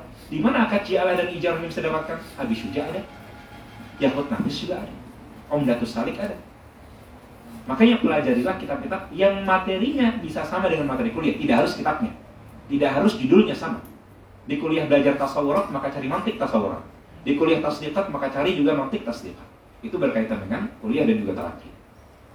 Selanjutnya cara belajar. Cara belajar Tadi saya sudah memberikan spill satu hal yang penting. Dalam cara belajar, jangan tanyakan. Jangan tanyakan dalam cara belajar majelis apa yang hadir. Jadi sering ada yang saya tanyakan, Bang, rekomendasikan nggak daurah ini? Atau misalkan majelis ini hadirin nggak? Jawaban saya bukan, atau kitab ini cocok nggak buat saya? Bukan masalah kitab, juga bukan majelisnya. Tapi tentang syekhnya. Karena menurut saya, Miftahu talibil ilmi itu itna. Kunci kalian dalam belajar ilmu itu dua. Yang pertama al-mudzakarah dan yang kedua al-mulazamah. Yang pertama apa? Mudzakarah, yang kedua mulazamah. Kalau sudah belajar di mudzakarah, di antara bentuk mudzakarah adalah dihafalkan. Jangan sampai kalian hadir ajrumnya sudah 4-5 kali tapi tidak pernah sekalipun hafal matan ajrumnya. Sering ini terjadi.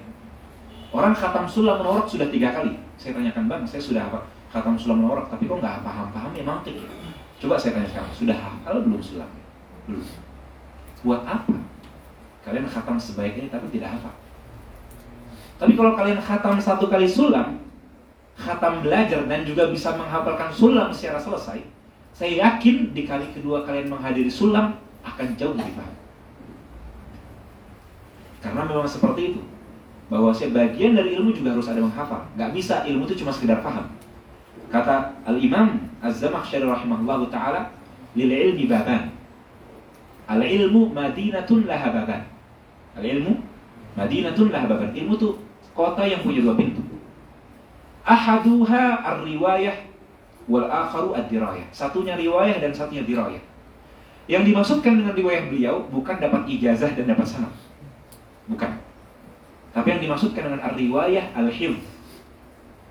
Dan yang dimaksudkan dengan ad-dirayah al-fahm. Jadi al-ilmu itu ada dua pintu di sana, al-hifzu wal fahmu. Gak bisa kalian masuk kepada satu dan tidak mau masuk kepada yang lainnya. Gak bisa seperti itu. Harus masuk melalui kedua-duanya. Harus paham dan juga hafal. Tapi kan Syekh nggak minta saya hafal. Coba sekarang saran saya cari senior yang bisa begitu antum selesai khatam sulam, cari senior yang dia paham mantik, bilang saya ingin setoran kepada dia. Atau misalkan teman rumah saya ingin setoran sulam kepada antum. Karena kalau tidak seperti itu, tidak ada alasan orang lain, mungkin kalian tidak bisa menghafal. Atau misalkan yang sudah punya istri, setorkan kepada istri. Yang belum istri, cari teman bestinya yang rada kayak istri ya. yang biasa memasakkan dia tiap hari. dia bagian cuci piring.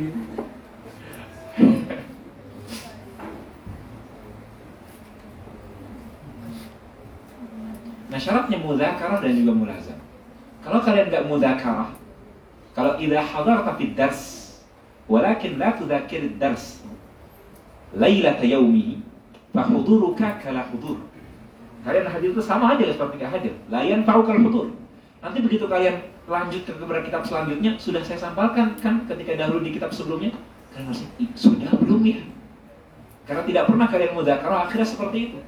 Kalau bahasa Syekh Hisham Kamil, kitab itu sekarang sudah bukan tujuannya setelah khatam, tujuannya untuk dimudzakarahkan lagi sama Talib. Tapi tujuannya supaya kemudian kitabnya ditaruh di maktabah, kemudian lama tidak dibaca, kemudian akhirnya berdebu, akhirnya digunakan untuk bertayamum. Jadi kalau ada yang bertanya, tayamum itu dari mana? Masalahnya kita kalau lantai-lantai takut ada banyak anjing, ada banyak najis. Ah, cari coba di maktabah hantu. Syartul miftah talabul ilmi yang pertama adalah apa? Al-mudzakarah.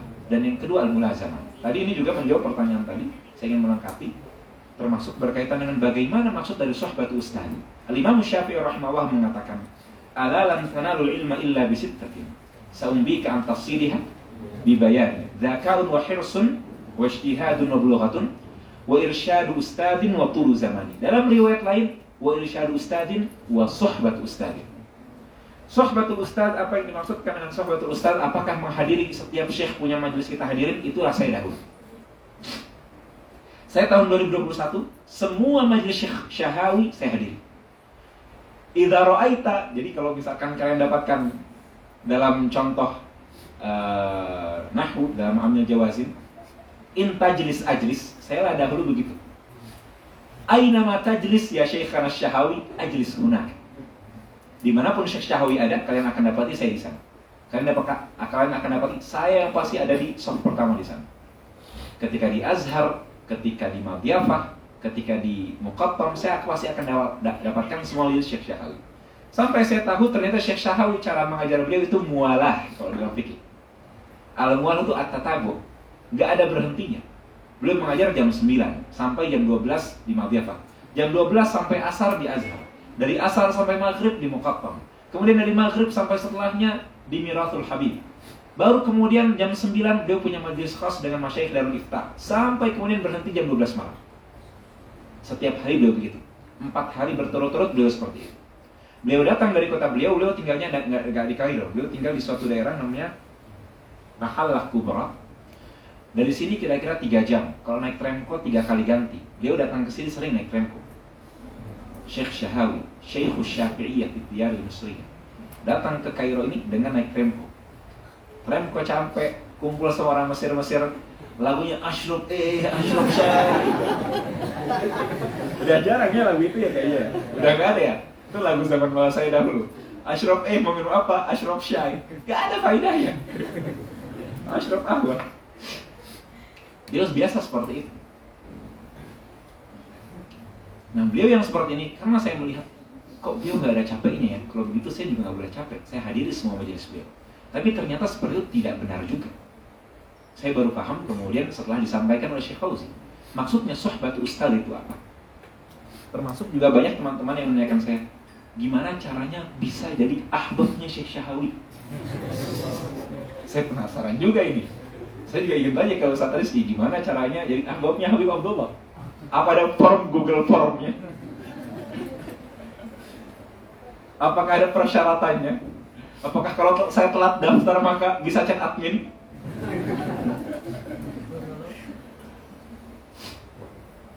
Gimana caranya ahbab jadi ahbab Syekh Syahawi, ahbab Syekh Fauzi, ahbab Syekh Mustafa? Alhamdulillah ketiga Syekh yang tadi saya sebutkan, Syekh Syahawi, Syekh Mustafa dan juga Syekh Fauzi, semuanya adalah Syekh yang saya lazimi dan semuanya mengenal saya dengan baik. Artinya saya mengenal beliau dan beliau juga Alhamdulillah bisa mengenal saya. Untuk dikenal dengan Syekh Mustafa, Syekh Fauzi mungkin cukup mudah. Tapi mengenal dikenal dengan Syekh Syahawi itu perjuangannya penuh air mata. Karena Syekh Syahawi sebelum sudah sepuh. Beliau kenal antum minggu ini, minggu depan beliau lupa. Jadi saya sering beberapa kali ketika di majelis dengan Syekh Syahawi, saya hadir. Saya dahulu sebelum menikah, pakaian saya khas. Alhamdulillah ini sudah pakaian dirapihkan oleh istri. Sudah disetrikakan. Baju saya baru semua. Kalau ada yang dahulu tahu, tahu teman-teman yang dahulu sudah ikuti saya dari dahulu, style saya dahulu selalu satu. Saya baru tahu juga ternyata saya punya style khusus. Saya pasti celana hitam, kemudian baju koko putih, kemudian baju songkok hitam, terus kacamataan. Saya dahulu minus 11. Cuman sudah lasik, alhamdulillah hilang semua. Murah ya, bisa kalian datang ke sana. saya endorse. Gak ada resiko, gak sakit sama sekali, bayarnya cuma 2 juta. nah saya dahulu, style saya selalu sama seperti ini. Bukan saya nggak ganti baju, saya punya baju koko putih itu empat. Jadi hari ini putih, besoknya putih, besoknya putih, putih lagi. Peci saya songkok hitam itu dua. Saya menurut saya ya, untuk apa style macam-macam juga nggak penting juga lah ya. Saya juga nggak nyari liatin cewek juga ya. Yang penting kan liatin masyaih.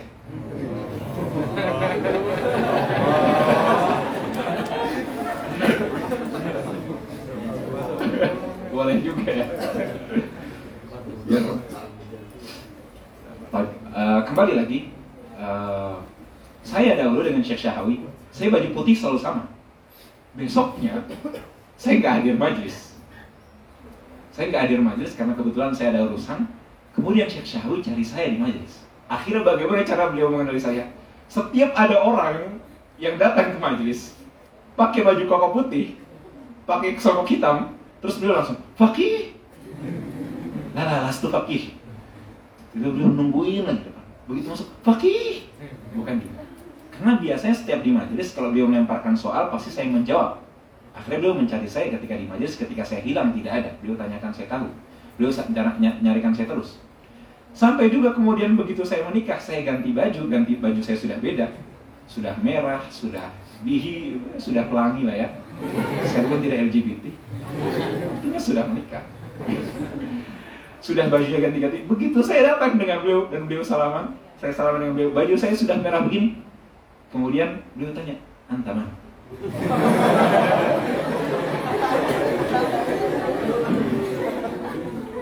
ya Rob, ya Rob, ya. Fakih Maulana, ah fakih.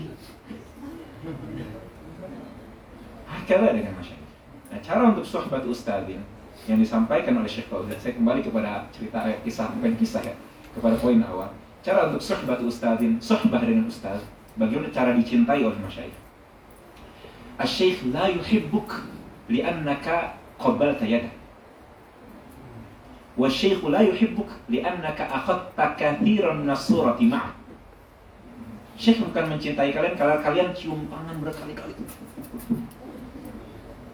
Bukan kalian cium tangan bolak-balik, bukan kalian karena minta foto terus dengan beliau, karena kalian menghabiskan minum, menghabiskan beliau. Itu semua betul cara mendapatkan barakah dari masyayikh. Tapi kalau kata Syekh Fauzi, la uhibbuka lihada. tapi uhibbuka ala qadri ijtihadika fil ilm. Syekh mencintai antum sesuai dengan bagaimana antum semangat ya dalam ilmu. Bagaimana semangat dalam ilmu? Apakah menghadiri semua majelis? Bukan. Antum menghadiri satu majelis beliau, mulazamahi. Mulazamahi maksudnya apa? Jangan potong, jangan sampai gaib sama sekali. Itu cara saya dalam belajar. Saya hadir Minhajut Talibin dengan Syekh Mustafa Muhammad. Kalau tidak salah 50 pertemuan, tidak ada satupun yang saya bolong. 50 pertemuan selama setahun. Pernah dua kali saya sakit, benar-benar sakit, saya tetap datang. Tapi saya masuk ke ruangan belakang dari awal sampai akhir saya tidur. Baru saya bangun ketika Allahumma sholli Allah. Entah kenapa bangun. Sama seperti orang yang kalau misalkan lagi sholat Jumat, khutbah Jumat, dia tidur entah kenapa pasti bangunnya ketika akimis sholat. entah Allah alam kenapa. Pas doa atau enggak kalau di Indonesia mulai biasa bangun karena khas di Indonesia. Allahumma ber lil muslimin wal muslimat. Kalau di Mesir karena doanya beda-beda, akhirnya dia tidak sama. Tapi di entah kenapa pasti begitu. Tapi saya begitu. Syartu talabil ilmi mulazam. Karena kenapa? Idza ghibta yauman, kalau kalian bolos sekali, besoknya kalian akan kepikir bolos lagi. Tapi kalau kalian belum bolos sama sekali, sayang rasanya masih bolos. Tapi kalau udah sekali bolos, akan bolos berkali-kali. Jadi sekalipun sakit, sekalipun tidak bisa hadir full, nggak apa-apa hadir. Tetap di akhir hadir. Sekalipun cuma hadir 5 menit terakhir hadir. Hadir terakhir itu sudah Allahumma sholli, nggak apa-apa hadir. Jangan cuma ah sudah ada dengar rekam ada rekaman bisa dengarkan rekaman jangan. Atas jilat tuh kalmaita. Atas jilat kalmaita. Itu kata Syekh Mustafa. Rekaman itu seperti maita. Tidak ada kehidupan di sana. Ada ilmu di sana betul. Kalian masih bisa mendapatkan ilmu mungkin dalam rekaman, tapi tidak akan mendapatkan barokah dari majelis tersebut. Nah makanya hadir majelis syaratnya dua, muzakarah dan mulazarah. Nah makanya termasuk cara mencari syekh adalah jangan cari syekh yang musiman. Apa maksudnya syekh musiman? Syekh datang mensyarah satu kitab daurah, daurah ajrumiyah. Setelah daurah ajrumiyah, syekhnya hilang. Syekh mensyarah warakat. Setelah mensyarah warakat, khatam, syekhnya hilang. Gak pernah mensyarah kitab lagi. Jangan seperti itu. Hadiri syekh yang kalian bisa mulazamahi syekh itu terus menerus. Satu tahun, dua tahun, tiga tahun, empat tahun, lima tahun, seterusnya. Tuh bahkan sampai syekhnya wafat, hadiri terus. Saya punya teman, Al-Ustaz Fahmi Siddiq Afindi. Beliau cerita kepada saya bahwasanya beliau punya azam sudah keinginan bahwa beliau tidak akan pulang dari Indonesia, Mesir ke Indonesia, tidak akan alatul sampai memang Syekh Syahawi akhirnya beliau nanti. Sampai nanti pokoknya selagi Syekh Syahwi masih ada, beliau akan terus ada tetap di Mesir. Karena beliau benar-benar ingin memulazamah seperti itu. Nah saya di sini ingin minta uh, ini kepada teman-teman, jangan sampai ini pertanyaan juga kepada hal yang penting. Kalau kalian hadir dengan Syekh Fauzi, jangan hadir Syekh Fauzi ajrumiyah saja. Saya sering seperti lihat teman-teman seperti ini. Hadir Syekh Fauzi ajrumiyah karena dia merasa butuh nahu. Setelahnya kemudian Beliau mensarah misalkan matnul bina dalam sorof ah saya sorof sudah paham nggak usah hadir. Nah bukan seperti itu. Syaratul ilmi mulazamah. Mulazamah bukan semua majelis syekh dihadiri. Maksudnya semua majelis itu bukan maksudnya Senin beliau punya majelis, Selasa kitabnya beda, Rabu kitabnya beda, Kamis kitabnya beda. Jangan hadiri semua. Syekh Syahawi tiap hari kitabnya beda. Jangan hadir semua, hadir kitab satu. Tapi kalau Syekh memang cuma satu majelis dia punya, seperti Syekh Fauzi, beliau satu minggu kitabnya cuma satu. Minggu depan kitabnya sudah ganti, sudah khatam kamu. Maka hadir semuanya. Jangan majelis pilih-pilih. Pilih-pilih majelis betul. Kita harus pilih-pilih mana yang dihadiri dan mana yang tidak. Tapi kalau sudah punya satu syekh, jangan pilih-pilih majelis. Apa pun kitab majelis Syekh Fauzi yang diadakan, hadir. Saya ala ajrumiyah dengan Syekh Fauzi sudah khatam tujuh kali kira-kira. Kalau ditanya, kenapa antum hadir? Saya jawab, kalau Syekh Fauzi ada majelis, pasti saya hadir. Karena itulah bentuk mulazamah. Kalau Syekh Syawi ada majelis, yang majelisnya memang saya bisa hadiri dan cocok satu lurus, pasti saya hadir. Jadi jangan sampai antum hadir Syekh Husam cuma satu fan, fan lain antum tidak merasa butuh tidak hadir. Teman-teman lughah misalkan melihat ada Syekh Syahawi mencarah atau misalkan ada seorang Syekh siapa Syekh? Syekh yang mencarah banyak, Syekh Salim Abu Asim misalkan. Syekh Salim Abu Asim misalkan mencarah mantik, dia hadir mantik karena dia anak usuluddin yang falsafahnya akidah, yang materinya akidah. Tapi begitu Syekh Salim mencara tafsir, mencara hadis, mencara usul fikih, dia tidak hadir. Lah, jangan seperti itu. Karena Syekh akan menyampaikan apa antum dalam suatu fan sebagian, nanti di sebagian akan disebutkan dalam fan yang lainnya. Maka mulazamah seorang syekh, setiap syekh punya hadir majelis hadir. Maka la tabhat an kitab, wala tabhat tabhat an majelis, tapi ibhat an syekh. Maka seperti saya misalkan, orang-orang kenal semuanya. Saya dikenal muridnya siapa, saya hadir dengan syekh siapa. Satu rezeki juga saya kenal beliau, beliau ahbab Dr. Gamal Faruk, beliau ahbab juga dari Syekh Habib Allah Al-Gifri, Habib Allah Al-Gufri. Yang kalian ketika intasaba ila syekhin yu'rafu. Dengan itulah kalian baru dikenal sebagai mulazam. Kalau kalian ditanya hadir majelis siapa, kalian bisa jawab. Tapi jangan hadir majelis siapa, hadir Syekh Fauzi. Oh kapan hadir majelis Syekh Fauzi? Kemarin ajrumnya hadir enggak? Oh enggak, saya hadir Fauzi, Syekh Fauzi dulu lah. Sudah dulu dulu dua tahun yang lalu. Lalu tiga tahun yang lalu. Itu bukan mulazamah namanya. Mulazamah itu kalau Syekh sekarang masih punya majelis, antum hadir. Itulah yang dinamakan sebagai mulazamah. Kemudian terakhir, selanjutnya prioritas dalam majelis Simpelnya adalah prioritas dalam majelis antum kalau sudah punya syekh, misalkan contohnya Syekh Syahawi, Syekh Syahawi majelisnya bertabrakan dengan syekh yang lain, fokuskan kepada guru antum. Jadi antum jagalah guru antum. Jangan kemudian ketika ada majelis yang lain antum korbankan majelis guru antum dengan guru yang lain. Tapi fokus kepada guru antum yang lainnya sekalipun majelis yang lainnya menggiurkan. Saya selama ini nggak pernah bisa menghadiri majelis Syekh Husam. Karena pasti majelisnya Syekh Husam bertabrakan dengan Syekh Fauzan majelisnya Syekh Husam bertabrakan dengan Syekh Syahawi. Tapi baru belakangan akhirnya saya bisa menghadiri majelis Syekh Husam. Beberapa kali ini Syekh Husam majelisnya beliau pagi atau majelis beliau malam. Akhirnya saya bisa hadir. Karena saya nggak mau ketika saya hadir satu majelis, saya korbankan majelis yang saya sudah mulazamahi. Jadi kalau antum kebingungan, ada dua majelis nih. Mana yang antum utamakan? Utamakan syekh yang memang antum mulazamahi. Itulah yang diutamakan. Sedangkan selainnya itu bisa antum singkirkan dahulu, nanti bisa antum pelajari ketika ada waktu yang cocok untuk antum. Itu prioritas majelis, selanjutnya berkaitan dengan beli kitab. Intinya beli kitab tanya senior. Ya. Tanya senior, tanya syekh. Jangan beli kitab sembarangan. Ada banyak teman-teman atau asatidah yang mereka aktif men-share uh, kitab-kitab cetakan yang bagus. Contohnya kalau di luar ada Ustadz Haikal, Haikal Talib, bisa kalian ikuti Instagram beliau. Beliau rajin mengikuti uh, men-share kitab-kitab yang bagus atau Ustaz Fakhri Zulhaq beliau juga banyak share info tentang materi kitab-kitab yang bagus kalian bisa ikuti mereka. Ustaz Fahmi Al-Fatkah ikuti mereka. Jangan beli kitab sembarangan. Kalau misalkan kalian membeli kitab carilah cetakan terbaik. Jangan menyesal di kemudian hari. Kalau kalian misalkan beli hasyiah bajuri cetakan apa? Saya bilang cetakan Darul Minhaj. Dan jangan beli selain cetakan Darul Minhaj. Tapi cetakan Darul Minhaj habis. Kalau begitu tunggu. Sampai ada. Cetakan dalam minhaj uangnya belum punya, tabung. Jangan beli kitab yang lainnya. Kalau kalian beli cetakan yang lainnya, nanti malahan kalian menyesal. Ujung-ujungnya, kalian sudah beli cetakan fulan, nanti beli cetakan dalam minhaj lagi. Nah, jangan seperti itu. Tapi belilah kitaban, kitab cetakan-cetakan yang terbaik. Di antaranya kitab-kitab yang biasa cetakan terbaik, Darul Minhaj, Darul Diya, Darul Fatah, itu biasa selalu terbaik. Jadi kalian nanti kalau bingung juga tinggal tanyakan kepada asatilah, kepada ustadz-ustadz yang tahu tentang itu. Insya Allah nanti marhaban, ahlan wasahlan. Nanti kalau kalian sudah terbiasa membeli kitab, kalian akan tahu sendiri kitab apa yang bagus dan kitab apa yang tidak. Tapi di masa awal kalian bisa bertanya dahulu. Nah, nanti kalian nih, oh kalau kitab ini rata-rata ini, rata-rata ini, kalian bisa ketahui bagaimana cara menentukannya. Dan terakhir, alhamdulillah lewat 5 menit. Dan terakhir berkaitan dengan hafal Al-Quran, Syekh Muhammad Said Tantawi, seorang Syekh, uh, Syekhul Azhar, sebelum Syekh Muhammad pernah mengatakan, Laisa azhariyan man lam yahfadil Quran. Laisa azhariyan man lam yahfadil Quran. Bukan seorang azhari kalau tidak hafal Al-Quran. Kita sering, saya sering beberapa kali bertemu lagi naik taksi. Kemudian tukang taksinya nanyakan, Anta azhari? Anta talib azhar? Ayo talib azhar. Masya Allah. Seperti kemarin ketika saya wisuda, pakai kakula begitu ya. Kakula dipakai wisuda saja. Biasanya kalau bagian pakai kakula itu dua kali ketika wisuda sama ketika akad nikah. Saya lagi pakai kakula, kemudian supir taksinya tanya, Anta talib fil Azhar? Ayo fil Azhar.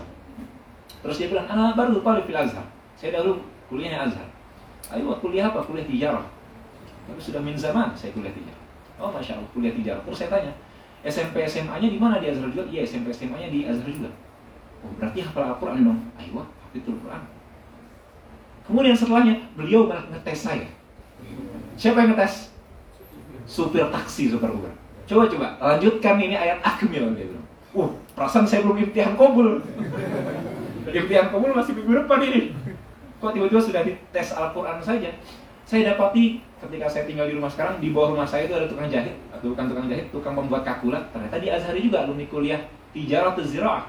Dan begitu saya kemudian datang main ke dia, dites hafalan Quran juga. Sampai saya bingung, kenapa kemudian menjadi simahnya Azhari menghafalkan Al-Quran? Karena memang orang Mesir, apa pun kuliahnya mereka nanti, ketika mereka menyampaikan pendidikan SD, SMP, dan SMA, pasti mereka menghafalkan Al-Quran 30 juz. Karena itulah syarat Al-Azhar. Cuma begitu datang wafidin dari Indonesia, kelihatannya wafidin kayaknya perlu dirohimkan. Soalnya pun dibedakan. Ada ujian imtihan lil lil Misriyin, ada lil wafidin. Makin ke sini pun wafidin dibedakan. Ada lil wafidin al-Arab, dan lil wafidin lil Arab. Nah, tapi salah hiloknya tidak seperti itu. Kalau kalau kalian misalkan di Mesir, bagi orang Mesir merupakan hal yang aib, hal yang khrib, hal yang aneh kalau kalian azhari tapi tidak Al-Quran. Di Indonesia juga harusnya seperti itu. Kalian seharusnya kalau pulang dari Al-Azhar, hafal Al-Quran. Jangan anggap Al-Azhar itu remeh. Al-Azhar di Ka'batul Ilm. Al-Azhar Ilm. Saya ketika dahulu di awal-awal datang ke Mesir, saya nggak mau S2 di Mesir. Saya nggak mau S2 di Al-Azhar. Saya ingin pindah ke negara yang lain. Karena saya menganggap ilmu di Al-Azhar tidak sebegitu. Saya melihat masyayikh di sini tidak ada yang terlihat saat itu. Majelis di sini seminggu sekali. Bagaimana saya bisa kata? Alfiyah bin Malik seribu baik kalau seminggu sekali majelisnya. Bagaimana bisa min hajut talibin khatam kalau majelisnya seminggu sekali? Saya satu tahun saja baru muamalat tidak dengan Syekh Mustafa itu tiga tahun kalau masalah kita muamalat baru selesai. Bagaimana dengan kitab-kitab yang lainnya? Bagaimana saya mau mengkhatamkan semuanya? Saya dahulu tidak ingin lama-lama belajar di Azhar, saya ingin pindah saja. Tapi coba lihat. Di Maroko, di Mauritania, yang katanya mereka itu tempat paling utama dalam lughah Arabiyah. Kitab yang mereka baca adalah kitab-kitab Azhar. Kitab yang mereka baca adalah kitab-kitab Azhar. Mereka bedanya hanya kitab Azhar kemudian mereka ubah jadi nazam. Jadi mereka itu pandai sekali dalam syair sampai-sampai kitab-kitab Azhar yang kita dapatkan mereka ubah jadi nazam sampai misalkan Durusul Balaghah Kalian tahu Durusul Balaghah karya Dr. Syifri Nasif dan lainnya, itu mereka nazomkan. Terus ada juga misalkan seperti saya dapatkan Taisir Mustalahil Hadisnya Dr. Mahmud Pahan itu dinazomkan oleh orang Mauritania. Tapi sebenarnya Dr. Mahmud Pahan, ulama Damaskus, di mana belajarnya? Di Azhar. Syekh Hifni Nasif, di mana kitab ini diajarkan? Di Azhar. Di Yaman juga kitab-kitab yang dipelajari, Hasyiatul Bajuri, Fathul Wahab, kitab-kitab juga yang dipelajari di Al-Azhar. Di Irak juga kitab-kitab mantik dan kitab lainnya. Dari mana kitab-kitab hasyah ini yang paling banyak mereka dapati? Hasyiatul Attar, Hasyiatul Bannani, kitab-kitab Azhar. Di Indonesia pun juga kitab-kitab Azhar. Di Saudi pun sebenarnya masyayikh di sana semuanya Azhar. Cuma bedanya kampusnya Saudi saja. Makanya kalau kalian lihat biografi para masyayikh kita, rata-rata Syekh Ahmad Ma'bad di antaranya biografi beliau pernah menjadi dosen di Riyadh. Syekh Hussein Mahrasawi pernah mengajar di Riyadh. Syekh Fulan, Syekh Hasan Uthman pernah mengajar di Riyadh. Syekh Fulan mengajar di Makkah, di Ummul Qura. Kenapa semuanya kok pernah mengajar di Saudi? Karena dahulu Saudi memang tidak ada ulama yang mengajarkan ilmu-ilmu ini. Hadir ulum, ulum azhariyah. Ilmu-ilmu azhar. Yang kalian tidak dapatkan kecuali di azhar. Kalau kalian merasa di azhar kok tidak ada, fa'lam annaka mahjub. Ini bahas Syekh Fauzi. Man qala bi annahu la ilma fil azhar fa'lam annahu mahjubun 'anil ilmi. Allah menutup matanya dari ilmu. Istighfar banyak-banyak. Mungkin ada dua, dua kita yang kita tidak tahu merasa ah, ilmu ini tidak ada di Azhar. Kalau ilmu tidak ada di Azhar, kalian lihat bagaimana ketika Syekh Ali Salih datang ke Irak. Bagaimana beliau begitu ditakrimnya, begitu beliau datang ke Irak. Disambut begitu besar oleh ulama Irak. Wah sudah kalau sudah peci kakula kemudian menggunakan imamah azhariyah sudah semuanya kul alal ain waras. Semua negara sepakat bagaimana diakuinya ulama Azhar ketika Syekh Usama Al-Azhari, Syekh Ali Jum'ah datang ke Maghrib di Maroko, bagaimana mereka sangat memuliakan Syekh Ali Jum'ah. Bagaimana Syekh Syahawi kemarin diundang ke Mauritania untuk menjadi salah seorang yang hadir juga dalam muktamar sirah di Mauritania. Sudah kalau sudah seorang ulama Azhar nggak mungkin cuma duduk di kursi tamu VIP. pasti duduknya di bagian-bagian depan, di bagian kursi-kursi tamu yang paling utama. Syekh Syahawi kemarin seperti itu. Padahal Syekh Syahawi SD saja tidak. Beliau SMP saja tidak. SMA saja tidak. Beliau baru belajar setelah umur 15 tahun mengambil setelah bahasa seperti kita seperti ijazah paket. Tapi terakhir beliau sempat ma'had juga, beliau ambil ma'hadul qiraat. Jadi beliau punya pendidikan juga, tapi itu baru di akhir. Nah ini semua beliau bisa mendapatkan ilmu itu dari mana? Dari guru-guru beliau yang mereka semua Azhari. Beliau belajar cuma di kampung beliau yang guru beliau murid-muridnya dari murid Al-Imam Al-Bajuri rahimahullah taala Syekhul Azhar.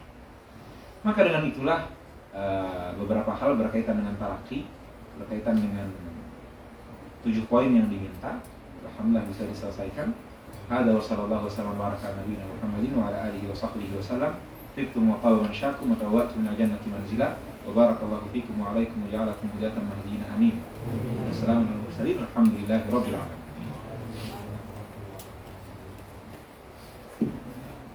Alhamdulillah, terima kasih banyak kepada Ustaz Fakih Ubaidillah Razan LC atas materinya.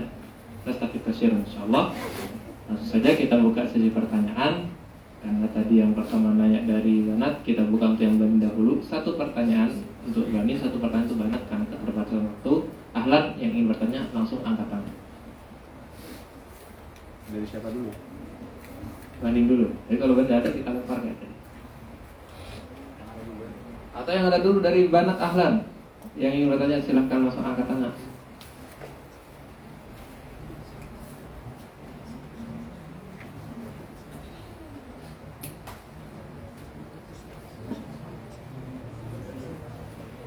Atau dari dua-duanya misalkan ada yang mau ditanyakan untuk pengulangan dan segala macam ahlan kursoh mutahrar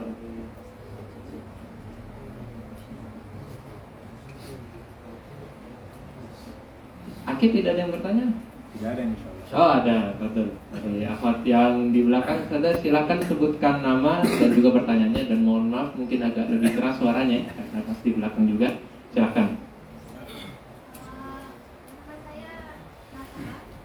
Kenapa? untuk pembagian waktu kuliah dan talaki itu apakah 50% 50% atau lebih dicantumkan Agak sulit sekali pertanyaannya. apalagi tanyakan ke Banin ya Waduh. Langsung aja, aku jawab aja. Oke. Oke, pertanyaannya bagaimana kita membagi waktu kuliah apakah 50% 50%? Bagaimana? Jawaban saya. Agak berat jawabnya. antara eh, berkaitan dengan menghadiri kuliah simpelnya kata Syekh Fauzi kaidah dalam menghadiri majelis secara umum apakah itu kuliah maupun non kuliah apakah itu kuliah atau talaki tadi kan saya jadi intinya dalam belajar kalian carilah guru. Dalam belajar cari apa? Cari guru. Jadi jangan cari kitab jangan cari majelis cari guru. Kalian ingin belajar fikih cari guru fikih. Kalian ingin belajar tauhid cari guru tauhid jadi kalau saya tanya kepada antum antum sudah khatam kitab fikih apa? Saya tidak akan tanya itu. Tapi antum belajar fikih sama siapa? Nah berkaitan dengan tadi berkaitan dengan cari guru juga berkaitan dengan menghadiri majelis Syekh Fauzi memberikan simpel kepada kita kaidah uhdur liman tastafid. Uhdur liman tastafid. Hadirlah siapa pun yang kalian dapat faedah dari dia. Saya tidak mengharuskan antum nahwu harus hadir Syekh Fauzi. Tidak semua orang paham Syekh Fauzi. Tidak semua orang juga kuat hadir 12 jam bersama Syekh Fauzi. Ada yang encok ada yang punggungnya sudah sakit ada yang seperti saya gampang masuk angin. Kalau hadir lima apa saya nggak kuat lama-lama di AC pasti saya duduk paling mungkin majelis awal di depan. Begitu siang saya di tengah begitu sudah malam saya di paling belakang di sebelah sepatu. Jadi antum wahdur liman tastafid bagi antum yang bisa hadiri baik sama saja apakah beliau Misri, non Misri, Indonesia bahkan hadirilah. Tidak kita banyak. Ustadz-ustadz yang mereka diakui oleh para ulama-ulama kita mereka sudah berhak untuk mengajar. Nah berkaitan dengan tadi Bagaimana porsi kita menghadiri kuliah? Simpel saya adalah antum menghadiri kuliah apa yang antum merasa mendapatkan faidah baik di kuliah. Tapi kalau antum hadir kuliah dokternya full ngomong amiyah, antum tidak paham, maka lebih baik antum di rumah daripada di kuliah. Antum mutalaah muqarar itu di rumah lebih baik daripada antum di kuliah tapi tidak paham. Ketika antum hadir di kuliah, dokternya amiyah misalkan. Atau misalkan dokternya tidak menjelaskan dengan baik, mencarahnya dengan cepat sekali. Sulit untuk dipahami. Maka kalau antum tidak paham, maka lebih baik antum tidak hadir. Tapi kalau misalkan di kuliah memang bagus sekali, karena terkadang di kuliah guru-guru kita kalian tidak dapatkan majelisnya di talaki. Ada guru-guru kita yang majelisnya memang hanya ada di kuliah saja. Contohnya misalkan seperti kalau di Banin misalkan kita punya Dr. Mahmud Abdurrahman, hitungannya beliau hampir tidak ada talakinya, baru belakangan beliau ada, usuli. Kemudian misalkan Dr. Syekh Ahmad Ma'bad Abdul Karim. Beliau kalau ditalaki, beliau mengajarnya syarhu ila tirmidhi, nilai muntahid. Tapi kalau kalian ingin pelajari materi-materi yang kalian bisa cocok dengan Syekh Ma'bad, itu nanti akan kalian dapatkan di kuliah. Kapan bagi anak usuluddin hadis nanti firqah Rabi'ah akan mendapatkan Dr. Ahmad Ma'bad Abdul Karim. Beliau selain di majelis syarah hilal tidak ditemukan lainnya. Beliau mengajar. Dokter banyak dokter-dokter kita yang hanya yang hanya mengajar di kuliah. Nah seperti mereka dokter-dokter yang diketahui bahwa mereka alim ulama, usahakanlah hadir. Khususnya kalau anak-anak syariah, paling utamakan hadir usul fikih. Usul fikih semuanya kibar yang mengajar usul fikih. Termasuk tingkat 4 yang mengajarkan Syekh Hamdi Subhi, jarang banyak yang tahu. Beliau hayat kibaril ulama. Mengajar di kuliah syariatul Islam. Nah jadi untuk menghadiri tidak ada dobit tertentu presentasinya berapa persen, talakinya berapa persen, kuliahnya berapa persen, tidak ada batasan. Tapi singkatnya, oh iman tastafid. Bagi teman-teman yang tingkat satu, kalian boleh coba-coba dahulu. Kalian waktu masih ada simple, tapi jangan lama-lama coba-cobanya. Saya coba-coba, saya tiga tahun. Saya baru beneran belajar tahun 2021. Di situlah saya baru benar-benar belajar. Tahun pertama, tahun kedua, saya lebih banyak hadirnya majelis hadis majelis kiraatul hadis, sardul hadis. Karena saya dahulu anak hadis, maka saya suka majelis hadis. Majelis hadis bagus saja, tapi anak-anak syariah belum saatnya kalian lah hadir majelis majelis hadis. Anak-anak hadis cocok sekali hadir majelis sama. Saya rekomendasikan anak hadis kalian kalau punya waktu untuk hadir majelis hadis. Karena itu kalian butuhkan. Tapi selain anak-anak hadis, kalian belum terlalu membutuhkan majelis hadis ini. Kalian belum perlu tahu siapa Lama, siapa itu Bashar, siapa itu Az-Zuhri, siapa itu Nafi' tidak perlu tahu, belum terlalu tahu. Tapi kalian bisa fokuskan kepada materi-materi yang lain. Nah kembali tadi untuk majelis talaki dan kuliah, lihat di kuliah apa yang kalian bisa dapatkan faedah hadir di sana. Tapi kalau kalian lebih baik hadir talaki di waktu itu daripada kuliah, maka hadir talaki juga lebih baik. Jadi presentasinya adalah kembali kepada kalian pribadi faedah mana yang bisa kalian dapatkan. Kalau di talaki kalian bisa dapatkan faedah lebih, maka utamakan di talaki boleh. Kalau misalkan di kuliah kalian bisa dapatkan faedah lebih, maka hadiri kuliah juga boleh. Jadi tidak ada babitnya, semua ada ilmunya, tinggal bagaimana kalian memaksimalkan masing-masing. Di mana maksimalnya kalian di sana, di sana tempat kalian itu bisa lebih cocok. Itu kira-kira singkat jawabannya. Jadi simpelnya wahdur liman tastaqi. Apa kaidahnya? Wahdur liman tastaqi. Kalau kalian tidak dapat faidah di sana ya sudah jangan hadir. Bahkan Syekh Fauzi mengatakan begitu. Kalau kalian nggak paham kalam saya, lebih baik kalian di rumah saja daripada kalian hadir. Tapi kalau kalian nggak paham, tapi ada kemungkinan paham, maka sabar. Karena berbeda antara tidak paham sama sekali, tidak cocok dengan seorang guru, dengan kalian tidak paham karena belum waktunya. Kalau tidak paham dengan belum waktunya, berarti sabar. Tapi kalau tidak paham karena tidak cocok sama sekali, Syekh Fauzi banyak sekali hafalannya. Sedangkan saya bukan tim hafalan Ustaz. Saya timnya yang paham. Syekh Fauzi tidak pakai papan tulis. Saya timnya dikit-dikit harus papan tulis. Ada banyak yang seperti itu. Ya, tidak ada masalah, kalian bisa hadiri masyarakat yang lainnya banyak yang menggunakan papan tulis. Syekh Hasan Utsman, beliau dari awal sampai akhir pasti berdiri kalau mengajar di papan tulis. Kalian bisa hadiri beliau. Masing-masing masyarakat punya cara sendiri yang kalian tahu sendiri cara apa yang paling cocok dengan dengan kalian. Jadi tidak ada namanya syekh ini yang paling terbaik alal itlaq, tidak ada. Tapi dalam belajar yang paling terbaik adalah kalian yang bisa menentukan sendiri. Syekh siapa yang paling kalian sukai? Masyaikh ada banyak. Nanti tim SI bisa menyebarkan siapa masyaikh dan kalian bisa coba dahulu satu-satu kalian hadiri. Dan saya dahulu juga seperti itu. Satu-satu saya hadiri. Semua masyaikh saya pernah hadiri. Habib Abdullah Al-Jufri saya dahulu khatam Safinatun Najah dengan beliau di Raudhatul Naim di sini. Tapi begitu saya hadiri Syekh Mustafa, ternyata saya dapati, oh caranya Syekh Mustafa lebih cocok buat saya. Cara Syekh Syahawi lebih cocok buat saya. Bagi sebagian orang Habib Allah lebih cocok. Habib Allah dengan gaya mulah beliau, santai beliau, enak sekali memang hadir dengan majelis beliau. Banyak kisah-kisah ulama Khabar Maut, ulama Yaman. Asik sekali hadir dengan majelis beliau. Tapi mungkin bagi sebagian orang tidak cocok seperti itu. Nah, kalian tahu bagaimana cara yang paling terbaik untuk kalian, bisa kalian coba masing-masing. Di sanalah kalian dapat faidah, hadiri. Mulazamai, jangan dengarkan kata orang. Kata orang Syekh Fulan kada, Syekh Fulan kada. Lah. Jangan dengarkan. Hadiri sudah mulazamahi. Ada kata Syekh ini ke ini, jangan. Kalian yang paling tahu siapa faidah yang dari mana kalian dapati, dari situlah kemudian kalian. Allahu a'lam. Baik, Alhamdulillah, tadi pertanyaannya sudah terjawab ya dari ada namanya tolong Oke, nanti tolong namanya Oke, bagi Baning berusaha untuk oke. Syekh Ridho. paling belakang Ustaz. silahkan nama dan pertanyaannya. Eh, Bismillahirrahmanirrahim. Assalamualaikum warahmatullahi taala wabarakatuh. Waalaikumsalam warahmatullahi wabarakatuh. Masya Allah ini suaranya MC dari wisuda PPMI. Tolong. Eh, perkenalkan nama saya Ridho Hidayatul Islam, Al Ustaz Fakih. Izin bertanya, eh, bagaimana pendapat antum tentang mahasiswa yang tidak hanya fokus ke kuliah dan kalaki, tapi juga fokus ke organisasi seperti PPMI, BISDA. Karena kita ketahui juga bahwasanya kiprah mahasiswa nanti di Indonesia bukan hanya sebagai pengajar di masyarakat, namun juga bisa masuk ke bidang politik ataupun bidang lainnya. Jadi bagaimana pendapat antum tentang mahasiswa yang juga berfokus kepada kepanitiaan atau ke organisasian? Terima kasih. Wassalamualaikum warahmatullahi wabarakatuh. Waalaikumsalam warahmatullahi wabarakatuh. Ini mungkin dua tahun, tiga tahun ke depan beliau ketua PPMI beliau ini. Baik, ahsan barakallahu. Jadi berkaitan dengan organisasi bagaimana orang yang aktif organisasi dan juga aktif belajar. Jawabannya adalah al aslu fi maji'i kal azhar itu lil ilm.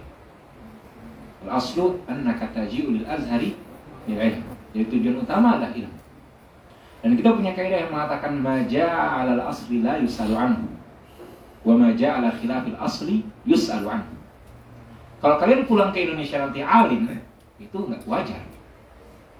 Tapi kalau kalian pulang ke Indonesia bukan alim, tapi kaya, HP-nya tiba-tiba jadi iPhone. Sebelumnya tidak iPhone, tiba-tiba HP-nya iPhone.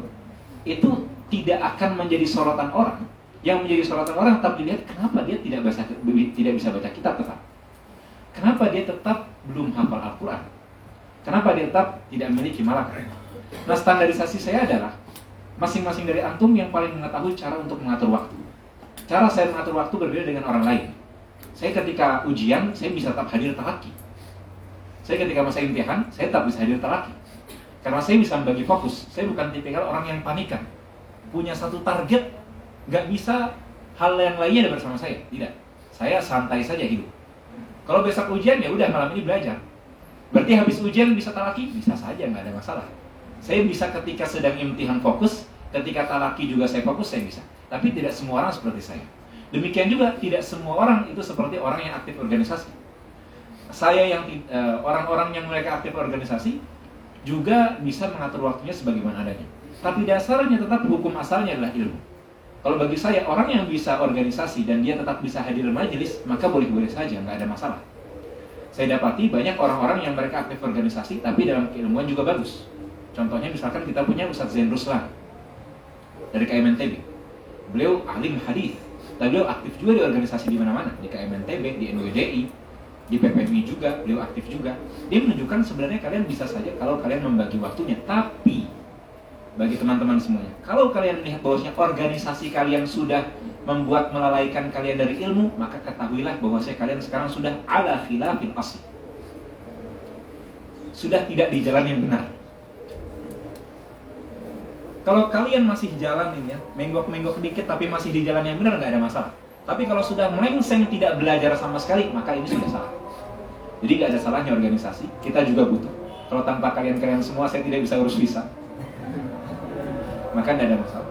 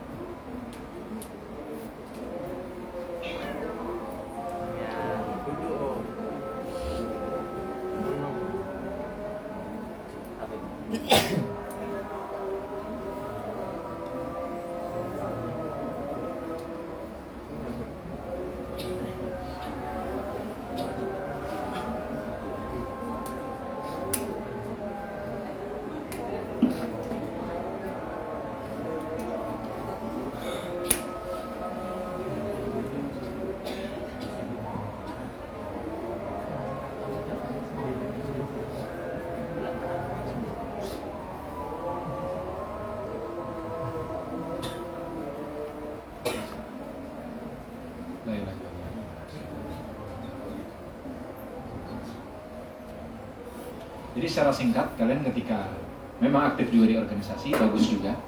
Karena keaktifan di organisasi juga adalah bagian dari minat orang-orang masing-masing. Tidak semua orang yang minatnya itu sama. Boleh-boleh saja untuk organisasi dan bagus juga. Dan masing-masing memberikan manfaat juga. Sama halnya seperti para sahabat. Tidak semua para sahabat itu aktif dalam bidang ilmu. Ada sahabat yang aktif dalam bidang politik. Dan siasat itu baik, selagi dijalankan secara syariah. Siasanya siasat syariah, maka dia bagus. Kenapa Sayyidina Umar, Sayyidina Abu Bakar, Sayyidina Ali, dan Sayyidina Abu Bakar? Sahabat terdekat Nabi hadisnya sedikit sekali. Mungkin cuma 100 sekian. Kalah dengan Abu Hurairah yang tinggal di masjid. Bukan karena Abu Hurairah yang lebih banyak mendengar kalamnya Nabi. Mungkin Abu Bakar lebih banyak. Tapi Abu Bakar, Sayyidina Abu Bakar radhiyallahu lebih aktif dalam bidang politik. Dan bukan dalam artian bidang politik itu buruk. Semuanya baik. Selagi semuanya masih ada manfaat kepada umat semuanya. Maka kata Nabi Shallallahu Alaihi Wasallam Khairukum anfa'ukum linnas. Beliau mengatakan secara umum tanpa memberikan batasan manfaat bagi jadi secara simpel, orang boleh aktif organisasi tapi tetap ilmu nomor satu. Jadi no, organisasi tidak akan bisa menjadi nomor satu, harus tetap nomor dua. Bagaimana kemudian cara bagi waktunya? Di antaranya, di antaranya, kalau kalian aktif organisasi, adalah caranya cukup hadir satu syekh saja, atau satu majelis saja. Satu majelis itu yang kalian jaga. Seperti saya, setahu saya Ustaz Zain Ruslan, beliau ketika mungkin masa-masa beliau aktif di sini, beliau tidak banyak majelis yang beliau hadiri. Beliau hanya hadir Syekh Abdullah Izzuddin saja itu yang paling utama. Sudah Syekh Abdullah Izzuddin tidak pernah bolong, cuma di satu waktu itu saja.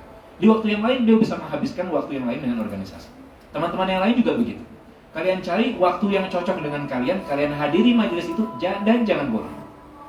Kalau ada organisasi, jangan sampai di waktu itu kita cuma minta satu waktu dalam seminggu. Misalkan, Syekh Syahawi Fathul Qarib Ba'da Isya hari Senin jam 8 sudah ini jangan diganggu gugat. Kalian benar-benar nggak bisa karena ada organisasi kepentingan yang nggak bisa, oke boleh tidak hadir sekali dua kali, tapi jangan sampai tidak hadir sama sekali. Jadi tetap ada satu yang dijaga, itulah. Nah satu yang dijaga inilah yang akan menjadi keberhasilan antum, kesuksesan antum dalam belajar. Saya tahu teman-teman yang mereka tidak hadir kecuali satu syekh. Sebagian teman-teman dia hadir cuma syekh Husam saja dan tidak terbawa syahwat kalau ada syekh ngajar, wah pengen nih hadir. Tapi ternyata begitu dia hadir, dia tidak bisa mulazamah syekh itu. Jangan. Jadi jangan coba-coba majelis kalau antum tahu bahwa antum tidak bisa mulazamah. Habiskan waktu antum saja. Kalau antum hadir dengan satu syekh secara terus-menerus itu lebih bermanfaat. Hadir satu dengan Syekh Husam saya itu lebih bermanfaat daripada antum hadir dengan banyak majelis. Hadir satu dengan Syekh Fauzi saja itu lebih bermanfaat daripada antum banyak majelis. Nah antum kalau teman-teman organisasi cari syekh yang bisa antum seperti itu. Syekh siapa pun yang bisa antum dapatkan, yang mereka bisa antum teruskan seperti itu, maka seperti itulah. Beliaulah yang nanti akan menjadi syekhun fattah bagi antum. Syekh yang memberi jalan ilmu bagi antum. Yang cukup satu, nggak perlu banyak-banyak. Jadi il, guru itu nggak perlu banyak. Syekh Yasin Al Fadani gurunya banyak itu setelah punya guru satu dua dahulu. Syekh Yasin Al Fadani gurunya 100 mungkin. Tapi bukan dalam artian beliau satu hari 100 majlis. Bukan, 100 itu guru riwayah, rata-rata guru ijazah. Tapi kalau kalian tahu, pasti setiap ulama punya syekhul fattah. Syekh yang menjadi guru utama bagi beliau. Ibnu Hajar al-Asqalani punya al-Iraqi. Syekhul Islam Zakaria al-Ansari punya al-Bulqini. Ibnu Hajar al-Haytami punya Syekhul Islam Zakaria. Nah kalian sekalipun guru kalian banyak, carilah guru syekhul fattah yang menjadi guru fattah bagi beliau. Bagi saya dalam Nahu Syekh Fauzi dalam fikih Syekh Syahawi dan Syekh Mustafa. Bagi antum bisa ulama-ulama yang berbeda, bisa masyayikh yang berbeda, tapi carilah satu guru seperti itu. Jangan kemudian saya dahulu guru saya di Mesir Syekh Fauzi, Syekh Syahawi, Syekh Hisham Kamil, Syekh Ala, semua syekh antum hadir. Sebenarnya antum hadirnya majelis siapa? Oh ya Syekh Fauzi saya lima majelis. Syekh Syahawi saya dua majelis. Antum banyak sejarah saja, ijazahnya numpuk banyak. Tapi kalau ditanya berapa majelis yang pernah hadir, cuma majelis yang fi majelis dan majelis. Jangan seperti itu. Jadi kesimpulannya panjang sekali ya akuan berkaitan dengan teman-teman organisasi ahlan wasahlan organisasi boleh saja